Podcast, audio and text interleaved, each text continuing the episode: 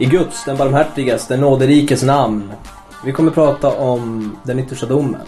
Det är ett science fiction rollspel om att kämpa för sin tro i nådens år 2700. Settingmässigt så utspelar det sig under den andra renässansen där efter att själapesten svepte över jorden och utrotade nästan alla människor förutom det av Gud välsignade kalifatet så stängde kolonierna i solsystemet sina hamnar. Och i dessa stängda kolonier uppstod en mängd av konstiga statsbildningar och religion fick ett fantastiskt uppsving.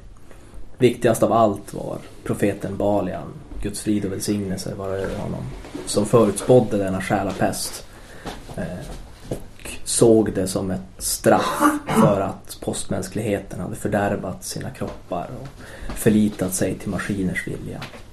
Och hans nollte budord, du skall icke skapa en maskin i en människas avbild, går igenom nästan alla samhällen. I den här framtiden är kalifatet det sociala, kulturella och teknologiska centrumet i solsystemet. Men kolonierna vill inte riktigt se öga mot öga med kalifatet. De håller inte med och fanatismen växer och intoleransen är på frammarsch. Regelmässigt så är det ett spel som ligger åt Story Now och samberättarhållet. Det är ett spel som fokuserar på rollpersonerna och deras berättelser och inte tillåter att spelledaren planerar något äventyr från början. Man planerar situationer och sen så spelar man för att ta reda på vad som sker. Och berättelsen är den som skapas vid bordet och ingenting annat. God kväll. Jag heter Wilhelm och det här är det trettonde. Eller det fjortonde? Nej, trettonde. Det är det trettonde avsnittet av eh, Nord Nordosts podcast. Med mig i studion ikväll har jag Kristoffer. Elin. Henrik. Och Joel. Och ljudkatten. och, och ljudkatten. Eh, vi tar en bild på ljudkatten och bifogar också till avsnittet så att Mm. alla får se den fantastiska ljudkatten. Och eh, dagens ämne är eh, Eh, dagens ämne är att vi ska diskutera de elva budorden eh, ifrån mitt och Valros spel Den yttersta domen. Eh, och de elva budorden är elva principer som säger till dig hur du ska spela det här spelet. Eh, och det är regler men det är inte mekaniska regler utan det är kontinuerliga regler som hela tiden ligger och informerar hur ni ska spela. På samma sätt som att spelet säger också att du har en spelledare och du har och resten av spelarna är spelare helt enkelt. Det är också en regel men det är inte en mekanisk regel. Och det här passar ganska breda spelstilar. Man kan pass- spela allting från narrativism till immersionism till ganska traddigt rollspel liksom. Och ändå följa dem liksom. Um, alltså spelar du dem som regler eller är det mer som direktiv? Riktlinjer. Ja, regler. Alltså, alltså, alltså i min bok finns det inga regler som är skrivna, som är huggna i sten. Och det, jag har aldrig spelat ett spel utan att husregler är. Mm. Så att det är regler. Det betyder inte att man behöver ta stenhårt på dem. De som hänger på rollspel.nu har hört Rickard prata om det här och han, han kallar det för konventioner. Okej. Eh, och jag kallar det form när jag recenserar spel. Alltså. Ja. Hur spelar man spelet på något vis? Liksom. Mm. Har, har spelet en spelledare? Har spelet inte en spelledare? Eh, Vem, vem har makt att bestämma vad när man spelar? Och, Ja, jag tänker kontinuerliga regler för... Jag plockar upp den, jag vet inte om det är just det som Lampley, alltså Vincent Baker, eh, snackar om. Han har haft någon diskussion om eh, friform. Och då menar han att liksom, friform utmärker sig inte för att det är regellöst utan eftersom att det ofta är det saknar mekanik. Men du har väldigt mycket kontinuerliga regler. Att du har prompts och du har överenskommelser eller konventioner. Eller liksom, att du har en stark form även om du saknar mekanik. Men, men för att den definitionen av regler måste man mer eller mindre ha liksom I andra spelkretsar så ska man, man kalla, man kalla det liksom spelkulturen eller hur man gör eller liksom Mm. vett. Jag tror ändå det är ganska viktigt att skriva ner de här för att om man spelar med samma grupp hela tiden är det ju det som är underförstått. Men eftersom att eh, man skriver ner spelet och vill att andra personer ska spela det så kanske de inte alltid förstår att de här sakerna är underförstådda. Mm, alltså jag tänker det som att det här är Det här är regler inte för att styra liksom, mekaniken utan det här är på något sätt ett sätt att försöka skriva ner det sociala kontraktet som man går in med. Eh, att man försöker skriva ner och säga att det är det här alla kommer överens om. Eh, och det är det här vi försöker eftersträva i spel. Men det kanske är dags att läsa upp de fina budorden nu. Ja, precis. Eh, jag kan gå igenom de elva budorden här. För ljudkatten då. För ljudkatten. Nu ska du få höra på, nu ska du få höra på kontinuerliga regler, mekanik, form, kom- konventioner. Socialt kontrakt. Vad vi än vill kalla det. De elva budorden är som följer. Eh, det nollte budordet säger att du ska alltid spela i scener. Eh, första säger du ska icke planera i förväg. Andra, du ska icke anstränga dig. Det tredje säger att du ska uppmuntra och bygga vidare på de andras idéer. Det fjärde, du ska respektera de andra spelarnas viljor. Femte, du ska spela djärvt. Sjätte, du ska söka konflikter. Det är då med ett stort K så att det hänvisar till den mekaniska konflikten, inte till allmän konflikt. Och så. Sjunde budordet säger att du ska spela med distans till fiktionen. Det åttonde säger du ska icke hava hemligheter. Nionde, att du ska minnas att du har två öron och en mun. Och det tionde, du ska se till att alla har kul. Jag eh, är så ivrig att, eh, att, att, att säga att liksom det här är inte nödvändigtvis det rätta sättet att spela rollspel. Det här Nej, är sättet som du spelar den yttersta domen. Ja, naturligtvis. Eh, Eh, En del av de här tycker jag liksom, ja, det är allmängiltigt. Ifall du inte spelar enligt den här regeln så vill jag förmodligen inte spela med dig alls. Mm. Men många är också sådana att man skulle kunna negera dem och alltså, göra, dem, göra dem till sin motsats. Och ha en annan regel som är fullt lika giltig men som ger en annan, ett annat spel, en annan, Ja. eh, ett annat sätt att spela. Speciellt det åttonde bu- budordet, du ska icke hava hemligheter, är ett sånt som, det är egentligen det enda som jag brukar behöva säga rakt ut. Mm. Att så här funkar det i det här spelet. Och det är helt okej att spela med hemligheter, att man skickar dolda lappar till, till SL och man, eller att man vill undanhålla information. Vi tar Men- det i nummerordning. Precis. Det kan vi göra. Då kan vi börja med, när vi ändå tar nummerordning. Varför 0 till 10 och inte 1 till 11? Eftersom att det här, nu anknyter vi till Asimov. spelvärlden. Vi anknyter till Asimov, ja. Naturligtvis. Vi anknyter också, vi anknyter till spelvärlden som anknyter till Asimov. För i settingen så är en jättestor grej är profeten Balians nollte budord. Du ska icke skapa en maskin i en människas avbild. Och det är just liksom det nollte budordet. Precis, Asimovs nollte budord. Ett- En, en nollte lag av robotik. En, Ja, du ska Ja. inte... en, en robot får inte tillåta mänskligheten att komma till skada, får inte skada mänskligheten. Eller genom, Genom sitt agerande. typ. precis, precis, Genom sitt agerande eller brist på agerande. Men precis.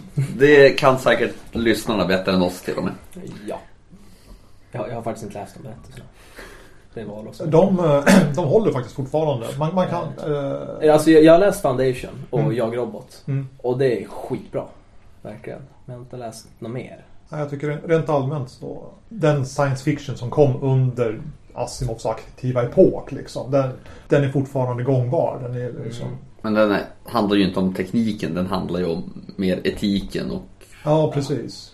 Ja, det här är en riktig jävla side faktiskt. Men som är så Ja men vi kan prata om det och sen klippa bort Precis. Någonting som är jättekul med liksom så här Golden Age science fiction är att man ser liksom det som var science fiction då är liksom inte science fiction nu. Jag, för jag läste Mm. Arthur Clarks det. Vilken av dem? Children. Eh, Det kommer utomjordingar till jorden och eh, med sufficiently advanced technology och hjälper människor att leva basically. Okej. Hur, hur som helst, det, det som är så coolt när jag läste den var att liksom, mm, mysig liksom 50-tal science fiction. Och så sen helt plötsligt liksom diskuterar bara, ja. Och de två största, eh, de två mest omkastande uppfinningarna kom inte från unionen utan från människorna. Det var liksom säkert preventivmedel för kvinnor och fri, tillgång till fri abort. Och det här ändrade det etiska landskapet. Man bara Oj, där säger man! Alltså personligen är det ganska charmigt med eh, den där typen av uråldrig science fiction. Jag tänker till exempel på Blade Runner där de har så här eh, färgbild. Så här, typ. Och sen i eh, Die Hard 1 då har de så här eh, typ i receptionen en pekskärm och det är jätterevolutionerande. Men alltså det ger en viss känsla av liksom teknik som, som är... Det ger en läraren uppskatta nutiden. Om jag får anknyta lite till, till, vad, till vad vi pratar om här. Är ju att alltså, bra science fiction handlar inte om framtiden. Utan bra science fiction handlar alltid om nutiden. För att hypa lite här. Alltså Dryttersadomen är ju jättemycket så. Att liksom, visst det är science fiction men det är ju liksom inte logisk science fiction. Det hänger ju inte samman på något sätt. Utan det är liksom en, en, en spännande framtidssättning. Som är till för att man ska kunna spela nutida konflikter i någon sorts framtida Mm. skrud. Liksom. För att det är för, det känns för verkligt att spela liksom i nutiden. Så därför väljer man att ta en, en annan tid men spela samma verkliga problem. Ja. eh, Eller så vill man dra, lyfta konflikterna ett steg till. Ja, precis. Eh, Jag är som lite smått stolt över äventyret Generation Jihad där liksom. I och med att man spelar, man, man spelar en, en skyttegrupp ur, en, ur kalifatets fred, fredsframtvingande insats i postapokalyptiska Nordamerika liksom. Så då spelar man de, de teknologiskt och kulturellt överlägsna muslimerna som liksom glider runt och hatar de inavlade amerikanerna som de inte kan förstå. Och det är ju väldigt... Det är ju en illa förtäckt parallell liksom. Rakt ner till namnet. Eh, Men, men det är intressant. Eh, Och det är intressant att liksom sätta saker i nya perspektiv. Men om vi ska återvända till budorden. Ja, eh, budorden, vad sa vi? Ja, eh, om jag uppfattar budorden rätt är budorden, de ligger på en spelarnivå. De ligger inte på en karaktärsnivå. Nej, nej, nej. Så till exempel du ska inte ha hemligheter handlar det om att spelaren ska inte ha hemligheter. Karaktären kan ha Precis, fullt av dem. precis. Eller du ska inte planera alltså. Du kanske har en karaktär som är planerande. Men du som spelare ska inte vara låst någon slags planering. Vi återgår till ett Ja. tappert försök att ta punkterna i ordning. Ja. Ja, en sista nämning bara i och med att du sa spelare. Eh, Kan vara värt att klargöra att budorden gäller lika mycket för spelare och spelledare. Så det är liksom allmänna principer rakt igenom. Eh, först av allt då, du ska alltid spela i scener. Eh, Det känns rätt okej. Jag tror att det här är en konvention som nästan alltid finns. Det finns väldigt få spelare som spelar bordsrollspel inte spelar i scenen i någon mening. Man, man spelar inte allt toalettbesök, man spelar inte all sömn, man spelar inte hela tågresan. Precis. Jag tror att alla spelar i scenen men här ska man väl Här, medvetet välja scener. ja, eftersom att det finns regelmekanik för att sätta scener och avsluta scener och spela scener. Liksom. Mm. Vad heter det? Det jag tänkte mer var att du liksom verkligen propagerar på att vi ska börja när det kommer action Ja, och vi ska sluta liksom när det inte finns kvar någonting. precis. Vi, att man liksom, tanken här är att verkligen understryka att man ska bara spela det som är intressant. Det som är liksom dramatiskt, ja, jag skulle inte säga viktigt, men, men dramatiskt intressant helt enkelt. Så att man börjar när en scen blir intressant och man slutar när konflikterna eh, och det intressanta i scenen har varit. Liksom, då klipper man och så sätter man nästa. Men det kan ju ändå finnas någonting som är väldigt low key som är väldigt intressant. Oh ja! Som att, ja men vi gör en scen nu bara står och diskar och småpratar. För det är egentligen viktigt för storyn. Trots att det inte är action. Eller det skulle kunna vara viktigt för storyn. Man får ju se sen Ja. hur scenen utvecklas. Vi har ju inte planerat. Vi får ju se Nej. vad scenerna Det var bara som jag tänkte också på den spela scenen att inte heller något liksom bokhållning sitta och räkna igenom alla, alla sina saker och sånt. För det är ju inte, det har jag också lite svårt att se som scener, kör rent kampanjspel eller något sånt. Va? Jag hänger inte riktigt med här. Alltså Men man, du, du som jag sa tidigare att scener liksom, de flesta spelar i scener. De flesta rollspel är uppbyggda i scener, hur traditionella de än är. Och jag satt och funderade på motpoler och en motpol är ju liksom när du sitter och gör liksom rena beräkningsarbetet och sånt. Shadowrun är ju klassiska exemplet där liksom. Mm. Att man sitter och planerar sitt run i liksom två och en halv timme och sen så möter man på första vakten och så bara måste man kasta ut hela planen för att ingenting funkar. Och det planeringsarbetet ser jag inte heller som en scen om man inte rollspelar igenom planeringsarbetet. Ja men det är bara för att förtydliga liksom vad Mm. scener innebär. Ja, eh, men eh, jag tänkte någon sorts, någon sorts mot antitesen av det här. Ja, vi, vi, vi, spelar inte i scener. Om, om någon säger det till mig så har jag liksom visionen av ja, vi spelar typ så som jag spelade när vi började. Jag började med rollspel. Ja, rollpersonerna träffas på värdshuset. Eh, det, kommer in ett skäggo och säger oh, det, det, finns någon skatt i ett berg här i närheten. Här har ni skattkartan. Sätt igång bolla äventyrare. Och sen så är det liksom någon på och, och raggar på eh, barflickorna och, och, och någon ska slåss med dvärgen och, och alltså att man, man, man, man klipper inte handlingen utan handlingen liksom organiskt växer från infall från, till infall från spelarna och liksom man skulle egentligen kunna ha den här skakiga hand- shaky cam liksom genom hela berättelsen utan att trycka på stopp någon gång. Ja men eh, live kan ju ofta spelas helt scenlöst. Då, då, då, då spelar ju faktiskt alla toalettbesök. men, men, men, men ja. Alla tradrollspel brukar innebära lite ändå. Alltså, Men att man, man kan ju, när man inte använder scener medvetet. Jag, jag, tror att, jag tror att det är just det att man inte använder scenen medvetet. Att det är en, men, det är en mental grej och det är ett tankesätt. För att även liksom när man spelar som, som du beskriver så blir det att liksom, ja, och, så, och så reser vi dit, ja coolt. Och ni kommer fram liksom två veckor senare och så spelar man exakt en encounter på resan för mer än så är tråkigt Mm. liksom. Och det är ju ändå ett sätt att spela i scener, Ja. att man lämnar ut det som inte är intressant. Eh, men, men när man säger så här blir det att, att just själva scenstrukturen blir så väldigt tydlig och den intränger väldigt mycket i hur man, i hur man skapar fiktionen. Eh, Ja, alltså vi, vi, vi är ju väldigt vana vid medium som använder scener. Vi, vi, säger vi scener och får folk att te- tänka scener gör folk ofta väldigt bra scener. Mm. Liksom, vi ser mycket film, vi läser mycket böcker med bra framade scener. Man, man, man, kan, man kan kopiera det ganska bra.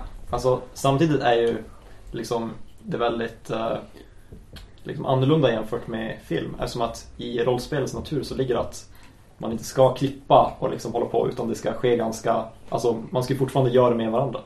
Och det är just det som, som det här budordet säger. Du ska klippa och hålla på liksom. Eh, att, att man sitter liksom med fingrarna och liksom saxar. Bra radio, Joel. Ljudkatten! Jag, jag sitter med, med höger pek och eh, långfinger och mimar en sax här. Det är som... Det är, Flytta te- den fram och tillbaka, upp och ner och... det är tecknet som vi brukar använda liksom. Att, att man sitter och liksom spelar och sen lite ljudlöst när man känner att nu har vi fått ut det här. Mm. Kollar man alla är med, coolt. Och där klipper man liksom. Och han gör klippta gäster i luften. Jag, jag gör kontinuerliga klippgester. Ja, gangstaklipper till och med. Upp från öronen. Ja, fast måste jag få vinkeln på handen. För er som tycker att eh, det här med eh, gest, klippgester låter jättespännande så kan ni gå tillbaka till avsnittet efter Zombie Cinema avsnittet. För där pratar vi bland annat om eh, klippgester. Nästa bud. Du ska icke planera i förväg.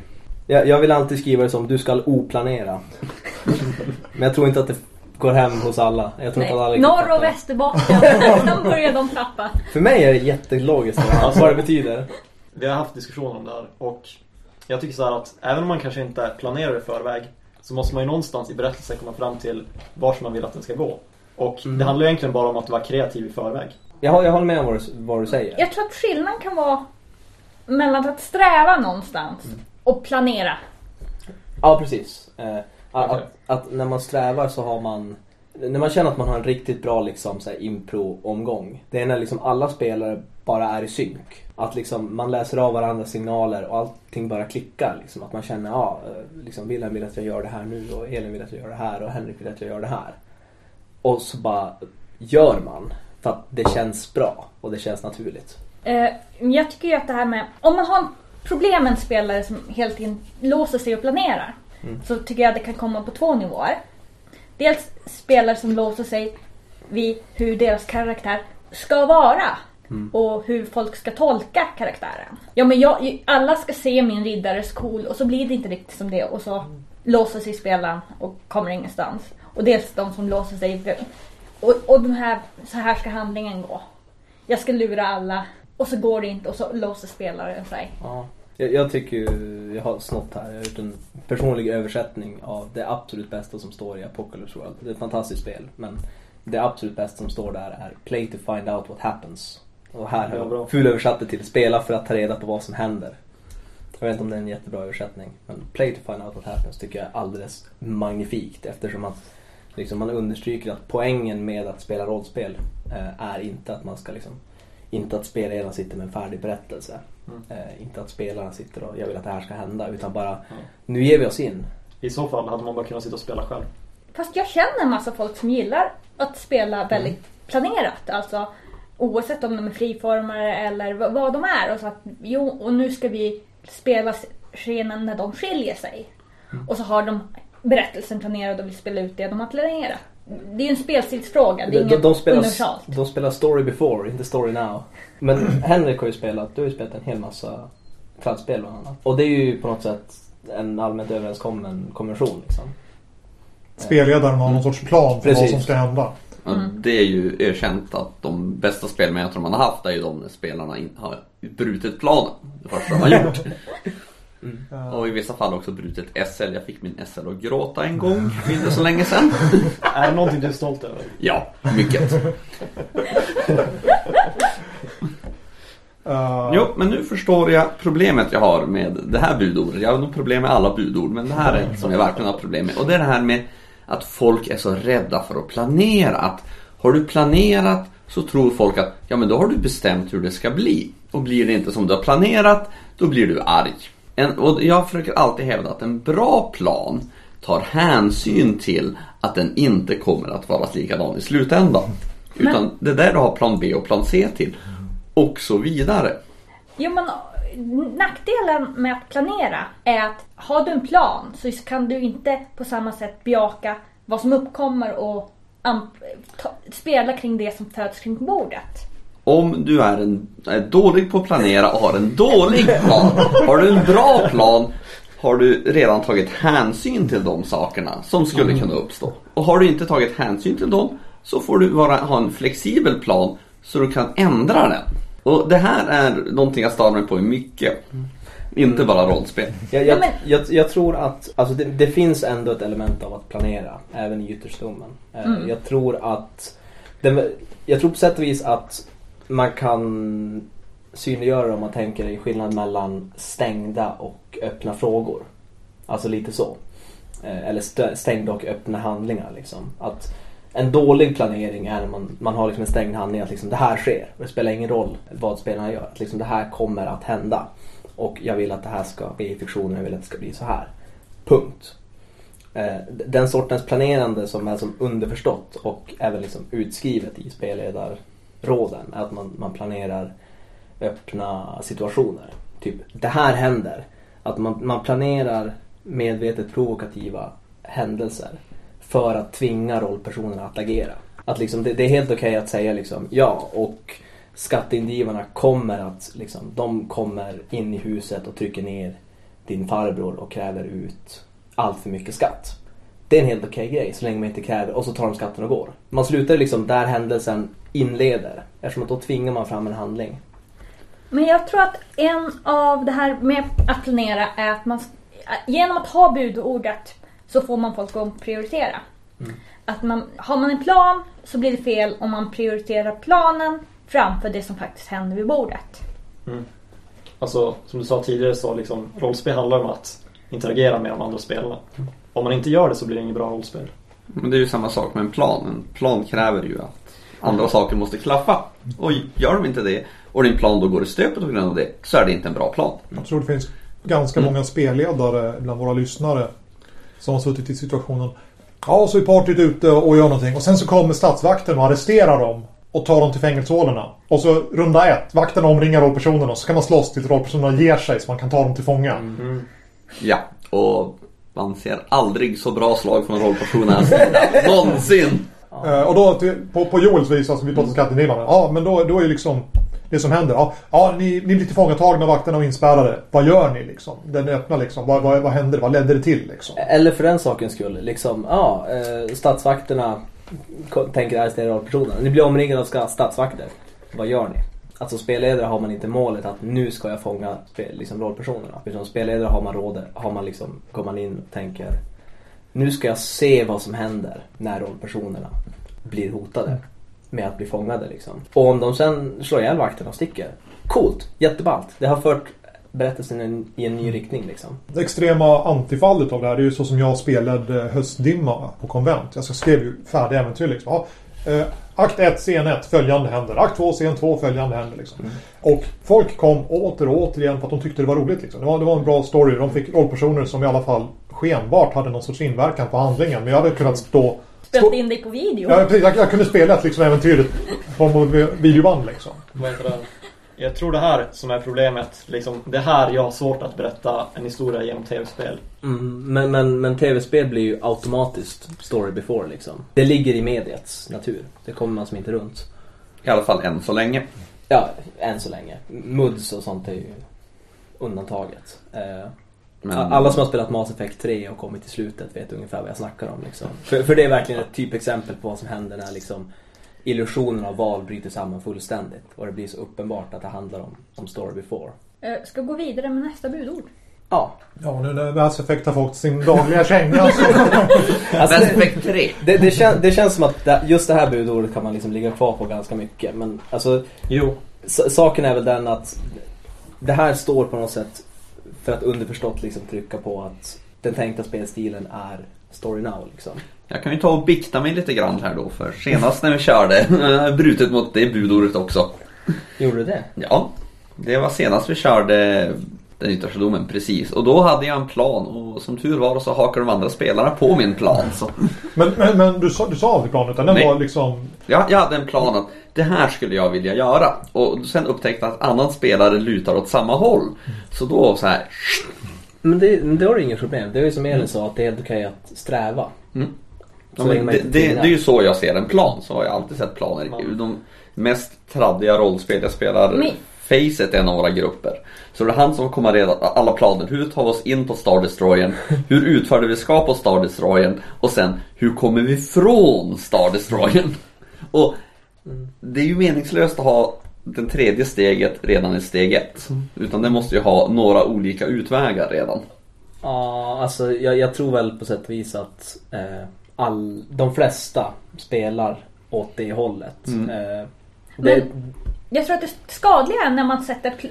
Skadligt för många i många situationer är när man sätter planen framför det som händer och det som erbjuds. Man, arbetar, precis. man väljer att arbeta på planen istället för det andra ger en. Ja, precis. Det som jag försöker förklara för folk är en dålig plan. Ja, alltså det extrema exemplet är ju om man försöker spelleda ett skrivet äventyr.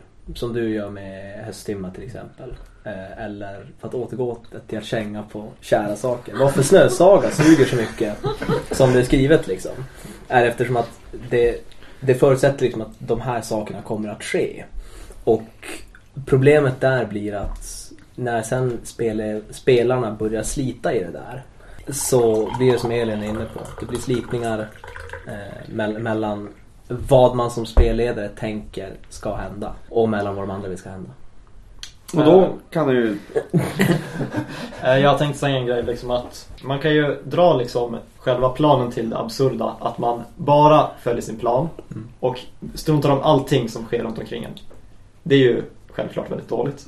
Men man kan ju samtidigt dra vad heter det, liksom det impulsiva till det absurda. Att man aldrig planerar någonting utan bara gör saker utan att liksom tänka någonting alls. Och bara liksom gör det som sker liksom, utan att ha någon mening i det stora perspektivet.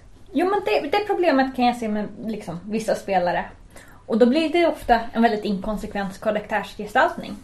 Om man alltid bara, ja men jag gjorde det jag tyckte var coolast. Ja men varför gjorde din karaktär det? Ja men jag gjorde det för att jag tyckte det var coolast. Det, det som däremot är om man, om man har en bra koll på sin rollperson och spelar på det sättet så kan man få jäkligt tungt immersionistiskt spel. Mm. Eftersom att då blir det liksom att då, då kapar man bort metatänket och då kan man på något sätt ta bort sig själv som spelare och bara liksom spela rollpersonens vilja. Det Men- känns ju som det blir en, kan bli en väldigt labil karaktär som verkligen så här. Det jag menar är att om man drar båda liksom, polerna till ab- absurda så liksom blir det fel. Ja. Det kan jag också då berätta. Nu när du har kängat Snösaga så kan jag ju hylla eh, Svavelvinter lite grann istället. Att det är ju för sig ett skrivet äventyr. Så det finns en hel del mängd scenarion. Att de här sakerna kommer att hända om rollpersonerna gör A eller B eller sånt. Så kommer de dit. Och vad som händer där, det är inte heller utan det finns några, några possibla slut och så givetvis några som säkert egna rollpersoner hittar på. Och det som egentligen är, det är liksom början och slutfighten. De, de, de kan i princip sitta i det här svavelstinkande träsket i tre månader och tycka att livet suger och bara vara bittra över det och sen komma till slutfighten om man vill. Men det finns Ja. en hel del saker man kan göra i Ja, någon precis. sorts ordning. Så det är ju liksom, visst, det är planerat men det är lite om, som ett bra datorrollspel lite grann. Att, För, för att ge Riot Minds lite upprättelse så har de ju faktiskt skrivit det absolut bästa svenska rollspelsäventyret någonsin. Vildhjärta. Eh, också. Eh, och jag, jag håller fast vid att Vildhjärta är nog det bästa supplementet som har skrivits i ett svenskt rollspel ever liksom. Eh, för, för det är helt fantastiskt verkligen och det är ju verkligen byggt så som du säger kring Snösaga liksom. Att man, man, man faller in i... Svavelvinter. Eh, Svavelvinter, så, såklart. Att man, man kommer in i skogen och sen i skogen är det bara en massa händelser. Man måste spela alla händelser. Alla händelser är öppna liksom. Och det artar sig. Det blir väldigt annorlunda beroende på hur spelarna spelar. Nu sitter alla och gör klipphänder här i luften. Coolt. Så, andra budordet. Du ska icke anstränga dig. Det betyder översatt till mänskligt språk att du ska inte sitta och tänka Åh, det, det här skulle vara en jättecool beskrivning. Ja, det här skulle vara jättepoetiskt. Ja, så här. Utan liksom Gör det som, som faller naturligt. Gör hela tiden det som kommer av fiktionen. Det som känns som att ja, det här har hänt. Då gör jag det här. Det här har hänt. Då gör jag det här liksom. Att spela bara på det som känns naturligt för din rollperson. Och det handlar ju också om att ställ, lite om att stänga av självcensuren. Precis. Alltså att ja, man får ta en idé för att den bara för att den kommer först. Trots att det inte är originell eller häftigaste man någonsin kommit på eller genial. Eller tänk om den är till och med lite pinsam. Utan man ska ändå liksom plocka det som kommer till en liksom, utan att man anstränger sig. Ja, precis. För, för en sån grej är ju att du själv är ju den enda som tänker som du gör. Så att det som känns helt naturligt för dig och liksom jätteklyschigt känns inte klyschigt för någon annan. Kanske. Alltså kanske, men alltså Men det, det, det, det tror jag är en utvecklingsprocess. Alla 14-åringar gör ninja-alver med katanasvärd. Och det är en fas. skål för det. Ninja-alver! skål för ninja-alver. Jag gjorde en ninja-råttman som kunde hoppsparka istället. Jag gjorde, jag gjorde en, en, en blind eh, dvärgskrigarmunk med dubbelyxa. Alltså inte en blind bågskytt. Ja, men jag tror att alla börjar med, alla börjar med att vara ganska klyschiga. Och att liksom lyssnar man bara på sin egen röst nog länge så blir man originell efter ett tag. Man, blir- man blir trött på alla ninja-alver och börjar komma på egna saker. Jag, jag känner någon sorts eh, närvaro vid bordet av eh, Graham Walmsleys Ja, mästerverk eh, Play Unsafe. ja. Som väl kan eh, bli en, eh, en källa för mer information för de som är intresserade av Ja. den här punkten. Play on safe ligger som, som någon sorts spöke över de flesta punkter. Men det är ju inte Play on Safe egentligen från början. Det är ju Kate Johnstons impro och impro för storytellers från 70 och 80-talet som är grunden. Oj, vad intressant Elin. Kan du berätta mer för oss som inte vet om det här? Jaha. Eh, Kate Johnson uppfann improteatern och han skrev böcker om det. Allting som han skrev är inte applicerbart på rollspel. Men det är hans tankegångar som är hela grunden för Play and Safe. Som med andra ord kan man säga att Play on safe funkar som någon sorts intronivå. Och om man sen vill gräva ner sig på djupet i de här tankarna så kan man kolla på Johnston. Ja men Play and Safe är... Dels har de liksom kokat ihop det och dels har de anpassat det för rollspel. Play and Safe är jättebra. Men vill du läsa 400 sidor till så kan du läsa Kate Johnson. Ja. Den är hyfsat lättillgänglig i alla fall. Liksom. Det, det är inte så här fruktansvärt teoretiskt och abstrakt. Liksom. Hyfsat lättillgängligt i alla fall. Play and Safe är väl typ 50 sidor. Mm. Ja, något sånt. Ja. Det är så att man läser det på en eftermiddag. Den här kan jag nog också bikta mig lite grann med. För den här har jag också brutit mot förstås. Också yttersta domen. Och ja, nej, det var att jag ville försöka göra saker som inte kanske var naturliga för mig och som jag inte har gjort naturligt i rollspel men som var naturliga för min karaktär. Och det krävdes viss ansträngning att gå ut ur de normerna. Och det trivdes jag väldigt bra med. Där fick du sig eh, karaktären nedkörd i halsen. Det var ju färdiga rollpersoner och, och sådär. Vi testade uh, yttersta domen skottkonst-scenario. Ja. Eh, Förra helgen. förra söndagen. Ja. Precis. Och eftersom det här kommer att släppas före Gothcon, om jag är flitig med klippsaxen, eh, så kanske vi inte ska spoila själva äventyret. Men det var coolt. Det rekommenderas. Jag vann. Han vann. typ. Du brukar vinna när vi spelar. Det är helt okej att liksom följa den här, det här Jag tycker att det är okej att följa det här budordet. Om, om man trivs i liksom, där man är, om man trivs med spelet. Om man trivs med dem man är med. Men samtidigt, om man är liksom ny med indie-rollspel, då måste man också anstränga sig. Alltså jag har sett många personer som bara sitter där tysta utan att liksom, ja. Ja, men jag, det är en skillnad att utmana sig själv. Och en annan sak att man låser, när man utmanar sig själv så låser man sig själv för att ja, jag, jag vill ju spela eh, aids offer jättedjupt men jag kan inte komma på vad jag ska säga för jag kan inte komma på något som är djupt nog. Mm, alltså annars så jag tror att för många rollspel, eller för många som är erfarna rollspelare Mm. så handlar det om att man har, man har spelat så pass mycket efter vissa konventioner att de här konventionerna ligger naturligt för en. ja. Eh, och i sådana fall så kan det vara lite klurigt. Jag tror att alla vi har väl stött på när vi har liksom demat spel på konvent. Att när man har folk som kommer in som har spelat som har spelat liksom tradspel ett litet tag och så liksom ska man spela något liksom impro hippie-spel med dem. Så liksom låser det upp och så går det inte. Men när man har någon som aldrig har spelat rollspel förr och liksom slänger in med fiasko så går det hur jäkla bra som helst. Det bara flyter på. Så jag, jag tror att det finns ett element av det också. Men det är också att ta bort lager av självcensur. Precis. Att man... Det är okej att göra helt fel saker. Det är bra att göra fel saker. Alltså- Fel saker är coolt. Alltså, det är som att man måste inte göra det här för att man eh, ser det som någon slags arbete så ska man aldrig anstränga sig. Mm. Men det är ju sam- man måste ju samtidigt ge någonting för att få ut någonting av spelet. Det finns ju andra punkter i budorden som bygger på att man ska, ja på sätt och vis anstränga sig för att de andra ska ha det trevligt också. Ja. Eh, Så, men jag, jag börjar förstå poängen där. Att det är inte att man ska så att säga sätta sig där och stoppa hand, handen innanför bältet och slappa. nej precis. Utan det är att man, som jag fick höra här också, att du ska försöka mildra din självcensur. Du ska försöka, ja, in, inte göra allting så pretentiöst. Och också samma sak, något som är vanligt med många tradspel där man kan ha mycket svåra äventyr. Så här, man, in- här ska man inte liksom tänka vad skulle vara tekniskt bäst för att ta mig ur den här kniviga situationen utan hur kan jag göra den här kniviga situationen mer intressant? Rätt om jag har fel här. Ja, men lite så. För, för, för, för poängen med, med hela den här spelstilen är ju att vi spelar för att uppleva berättelsen. Och berättelsen blir intressant. Om alla liksom investerar i berättelsen så blir den intressant. Och då spelar det ingen roll om liksom om, om man liksom, ja men, ta till exempel Polaris. Eh, är ju liksom skitpretentiöst av liksom själva dess form och liksom implicita känsla. Men om man, man kan spela Polaris väldigt avslappnat och det blir ändå jättehäftigt eftersom att det finns en underförstådd känsla i spelvärlden och i spelet. Som den här, eh, du ska inte anstränga dig. Eh, till att börja, om du går tillbaka till Play on Safe och till Impro. Så var det formulerat som, du ska inte försöka vara ar- originell. Du ska inte försöka vara smart. Och eh, det handlar ju också liksom, du ska inte låsa dig vid att liksom komma på det bästa svaret, det roligaste svaret. Utan du ska ta svaret som kommer utan ansträngning. Var lagom, var nog. Men det, det betyder ju inte att man inte kan utmana sig själv. Ska vi gå vidare Det till låter tredje?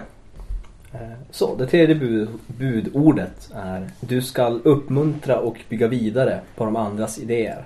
Det ser ut som det är väldigt uppenbart här. Ja, eh, första meningen tycker jag är en sån ganska fin beskrivning av vad det handlar om. Eh, Rollspel är en konversation där alla delar med sig av sina tankar och idéer och tillsammans bygger ihop en berättelse av dem.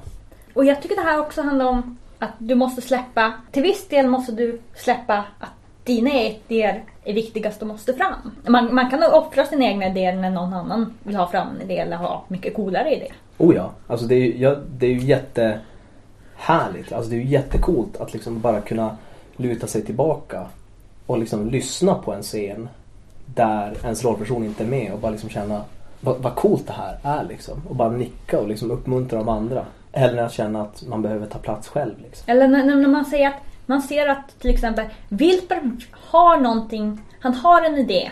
Jag har ingen aning om vart han ska. Men jag hakar på. Precis. Eh, och också såklart att eh, här kommer vi in lite i de här eh, norska arkipelagokorten. Liksom. Att, att man ska träna sig själv att aldrig säga liksom bara nej. Liksom, jag vill att det här ska hända. Nej. Utan man ska träna sig själv att alltid säga liksom, ja jag vill att det här ska hända. Ja. Och. Ja. Men. Ja. Om. Att liksom att man tränar sig själv att, att alltid acceptera vad de andra gör. Mm. Och bygga vidare på det. För då visar man att man är intresserad av det. Jag tycker att det där är väldigt viktigt med att man inte ska säga nej. Utan man ska säga Jag gillar din idé. Mm. Men vi kan bygga till den med den här idén. Mm. För att då får man ju en interaktion mellan spelarna. Precis. Man tar den här idén plus den här. Det borde bli mer än två. Liksom. Huvudregeln i brainstorming. Men det finns ju sådana här situationer när man får säga nej.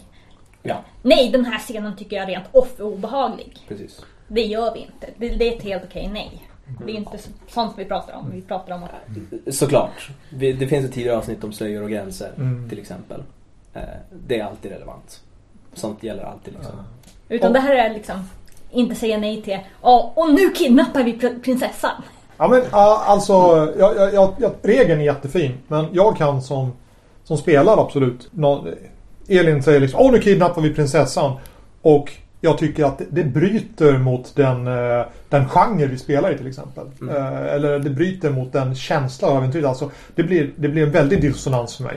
Då kan, då kan jag gärna liksom, wow, eh, time out. Är det viktigt för dig att vi kidnappar prinsessan? Jag tycker att det känns jättekonstigt. Skulle vi kunna göra någonting annat? Ja, och vi skulle kunna gå vidare till nästa budord. För fjär, tredje och fjärde hänger ihop ganska mycket här faktiskt. Ja. Eh, och i fjärde så diskuteras just det här. Eh, Um, då innan vi försvinner iväg så skulle jag vilja eh, fortsätta på, eller fortsätta, men fortsätta stanna kvar på trean en liten stund. mm. Och Henrik vill också stanna kvar på trean en liten stund. Mm. Uh, ska du börja? Ja, det var mest som jag tänkte på att det här är huvudsakligen det här är ganska viktigt tycker jag. Eller jag som spelledare tyckte i alla fall att det, när jag började ta till mig det, mer och mer av det här ju mer erfarna jag blev, desto bättre blev saker. Och jag berättade ju tidigare om incidenten fick vår stackars spelledare att gråta. När vi istället för att fly från då stjärnjagaren och de onda bestämde oss för att vi, vi bryter oss in på stjärnjagaren tar oss in i deras datorsystem, programmerar om deras koordinater så de inte kan ta sig till stället vi skulle tävla mot att ta oss till. Mm. Varpå SL tycker att ja, vi får nog avbryta äventyret än här för han vill liksom fixa någon kartor och förbereda och allting sånt. Äventyret efter blev jättekul. Alla hade jätteroligt, även spelledaren. Han var jättenöjd, hade gett på mycket ondska åt oss. Men jag, jo, jag tycker eh, det här återknyter ju till att man inte ska planera. För har man inte planerat, då kan man bejaka andras idéer. Men om ingen annan har planerat så har de ju inga, inga idéer. Ja, men idéer kan ju uppstå i det man gör just nu. Du säger groda och du, jag säger groda och du får en idé. Grön. Ja, jo, men man, som ni sa tidigare också att vars är Wilhelm av någon anledning på väg med det här. Med det här. Då har han planerat. Då har han ju brutit mot första budordet. Eller ette. Ja, inte nödvändigtvis. Han, Det- han strävar ju någonstans. Han behöver Precis. inte planerat i detalj liksom. eh, Precis. Ja, nej, jag ska sluta hacka på ordet planera. Ja, precis. Jag Ja. tror att vi är överens men eh, det är liksom nå- någonting i formuleringen Jo. som, som gör att vi inte liksom... Det, det pass, kugghjulen passar inte riktigt i Ja. varandra. Men jag tror att vi i stora hela är överens. Ja, det här är en Jag- sak jag jag har stört mig på i eh, 20-25 års tid. Så. Ja, jag, jag köper. Mm. Eh, Det jag menar med fjärde här, att du ska respektera de andra spelarnas viljor. Eh, Men jag var ju inte klar med trean. Herregud. Vad, har vi bråttom? Eh, Nej, jag tänker bara liksom för, för att få dra in Ja. lite tidigare. För, för vad tredje budordet säger är alltså Du ska hänga med på vad de andra tycker. Du ska inte blockera de andra. Mm. Och vad det fjärde budordet säger är att du kommer att inkräkta på de andra spelarnas rollpersoner och på de andra spelarnas idéer. Och var lyhörd om det är någonting de inte tycker är okej. Säg inte det. Så att de hänger ihop ganska mycket. Liksom. Mm, det är en fin gräns.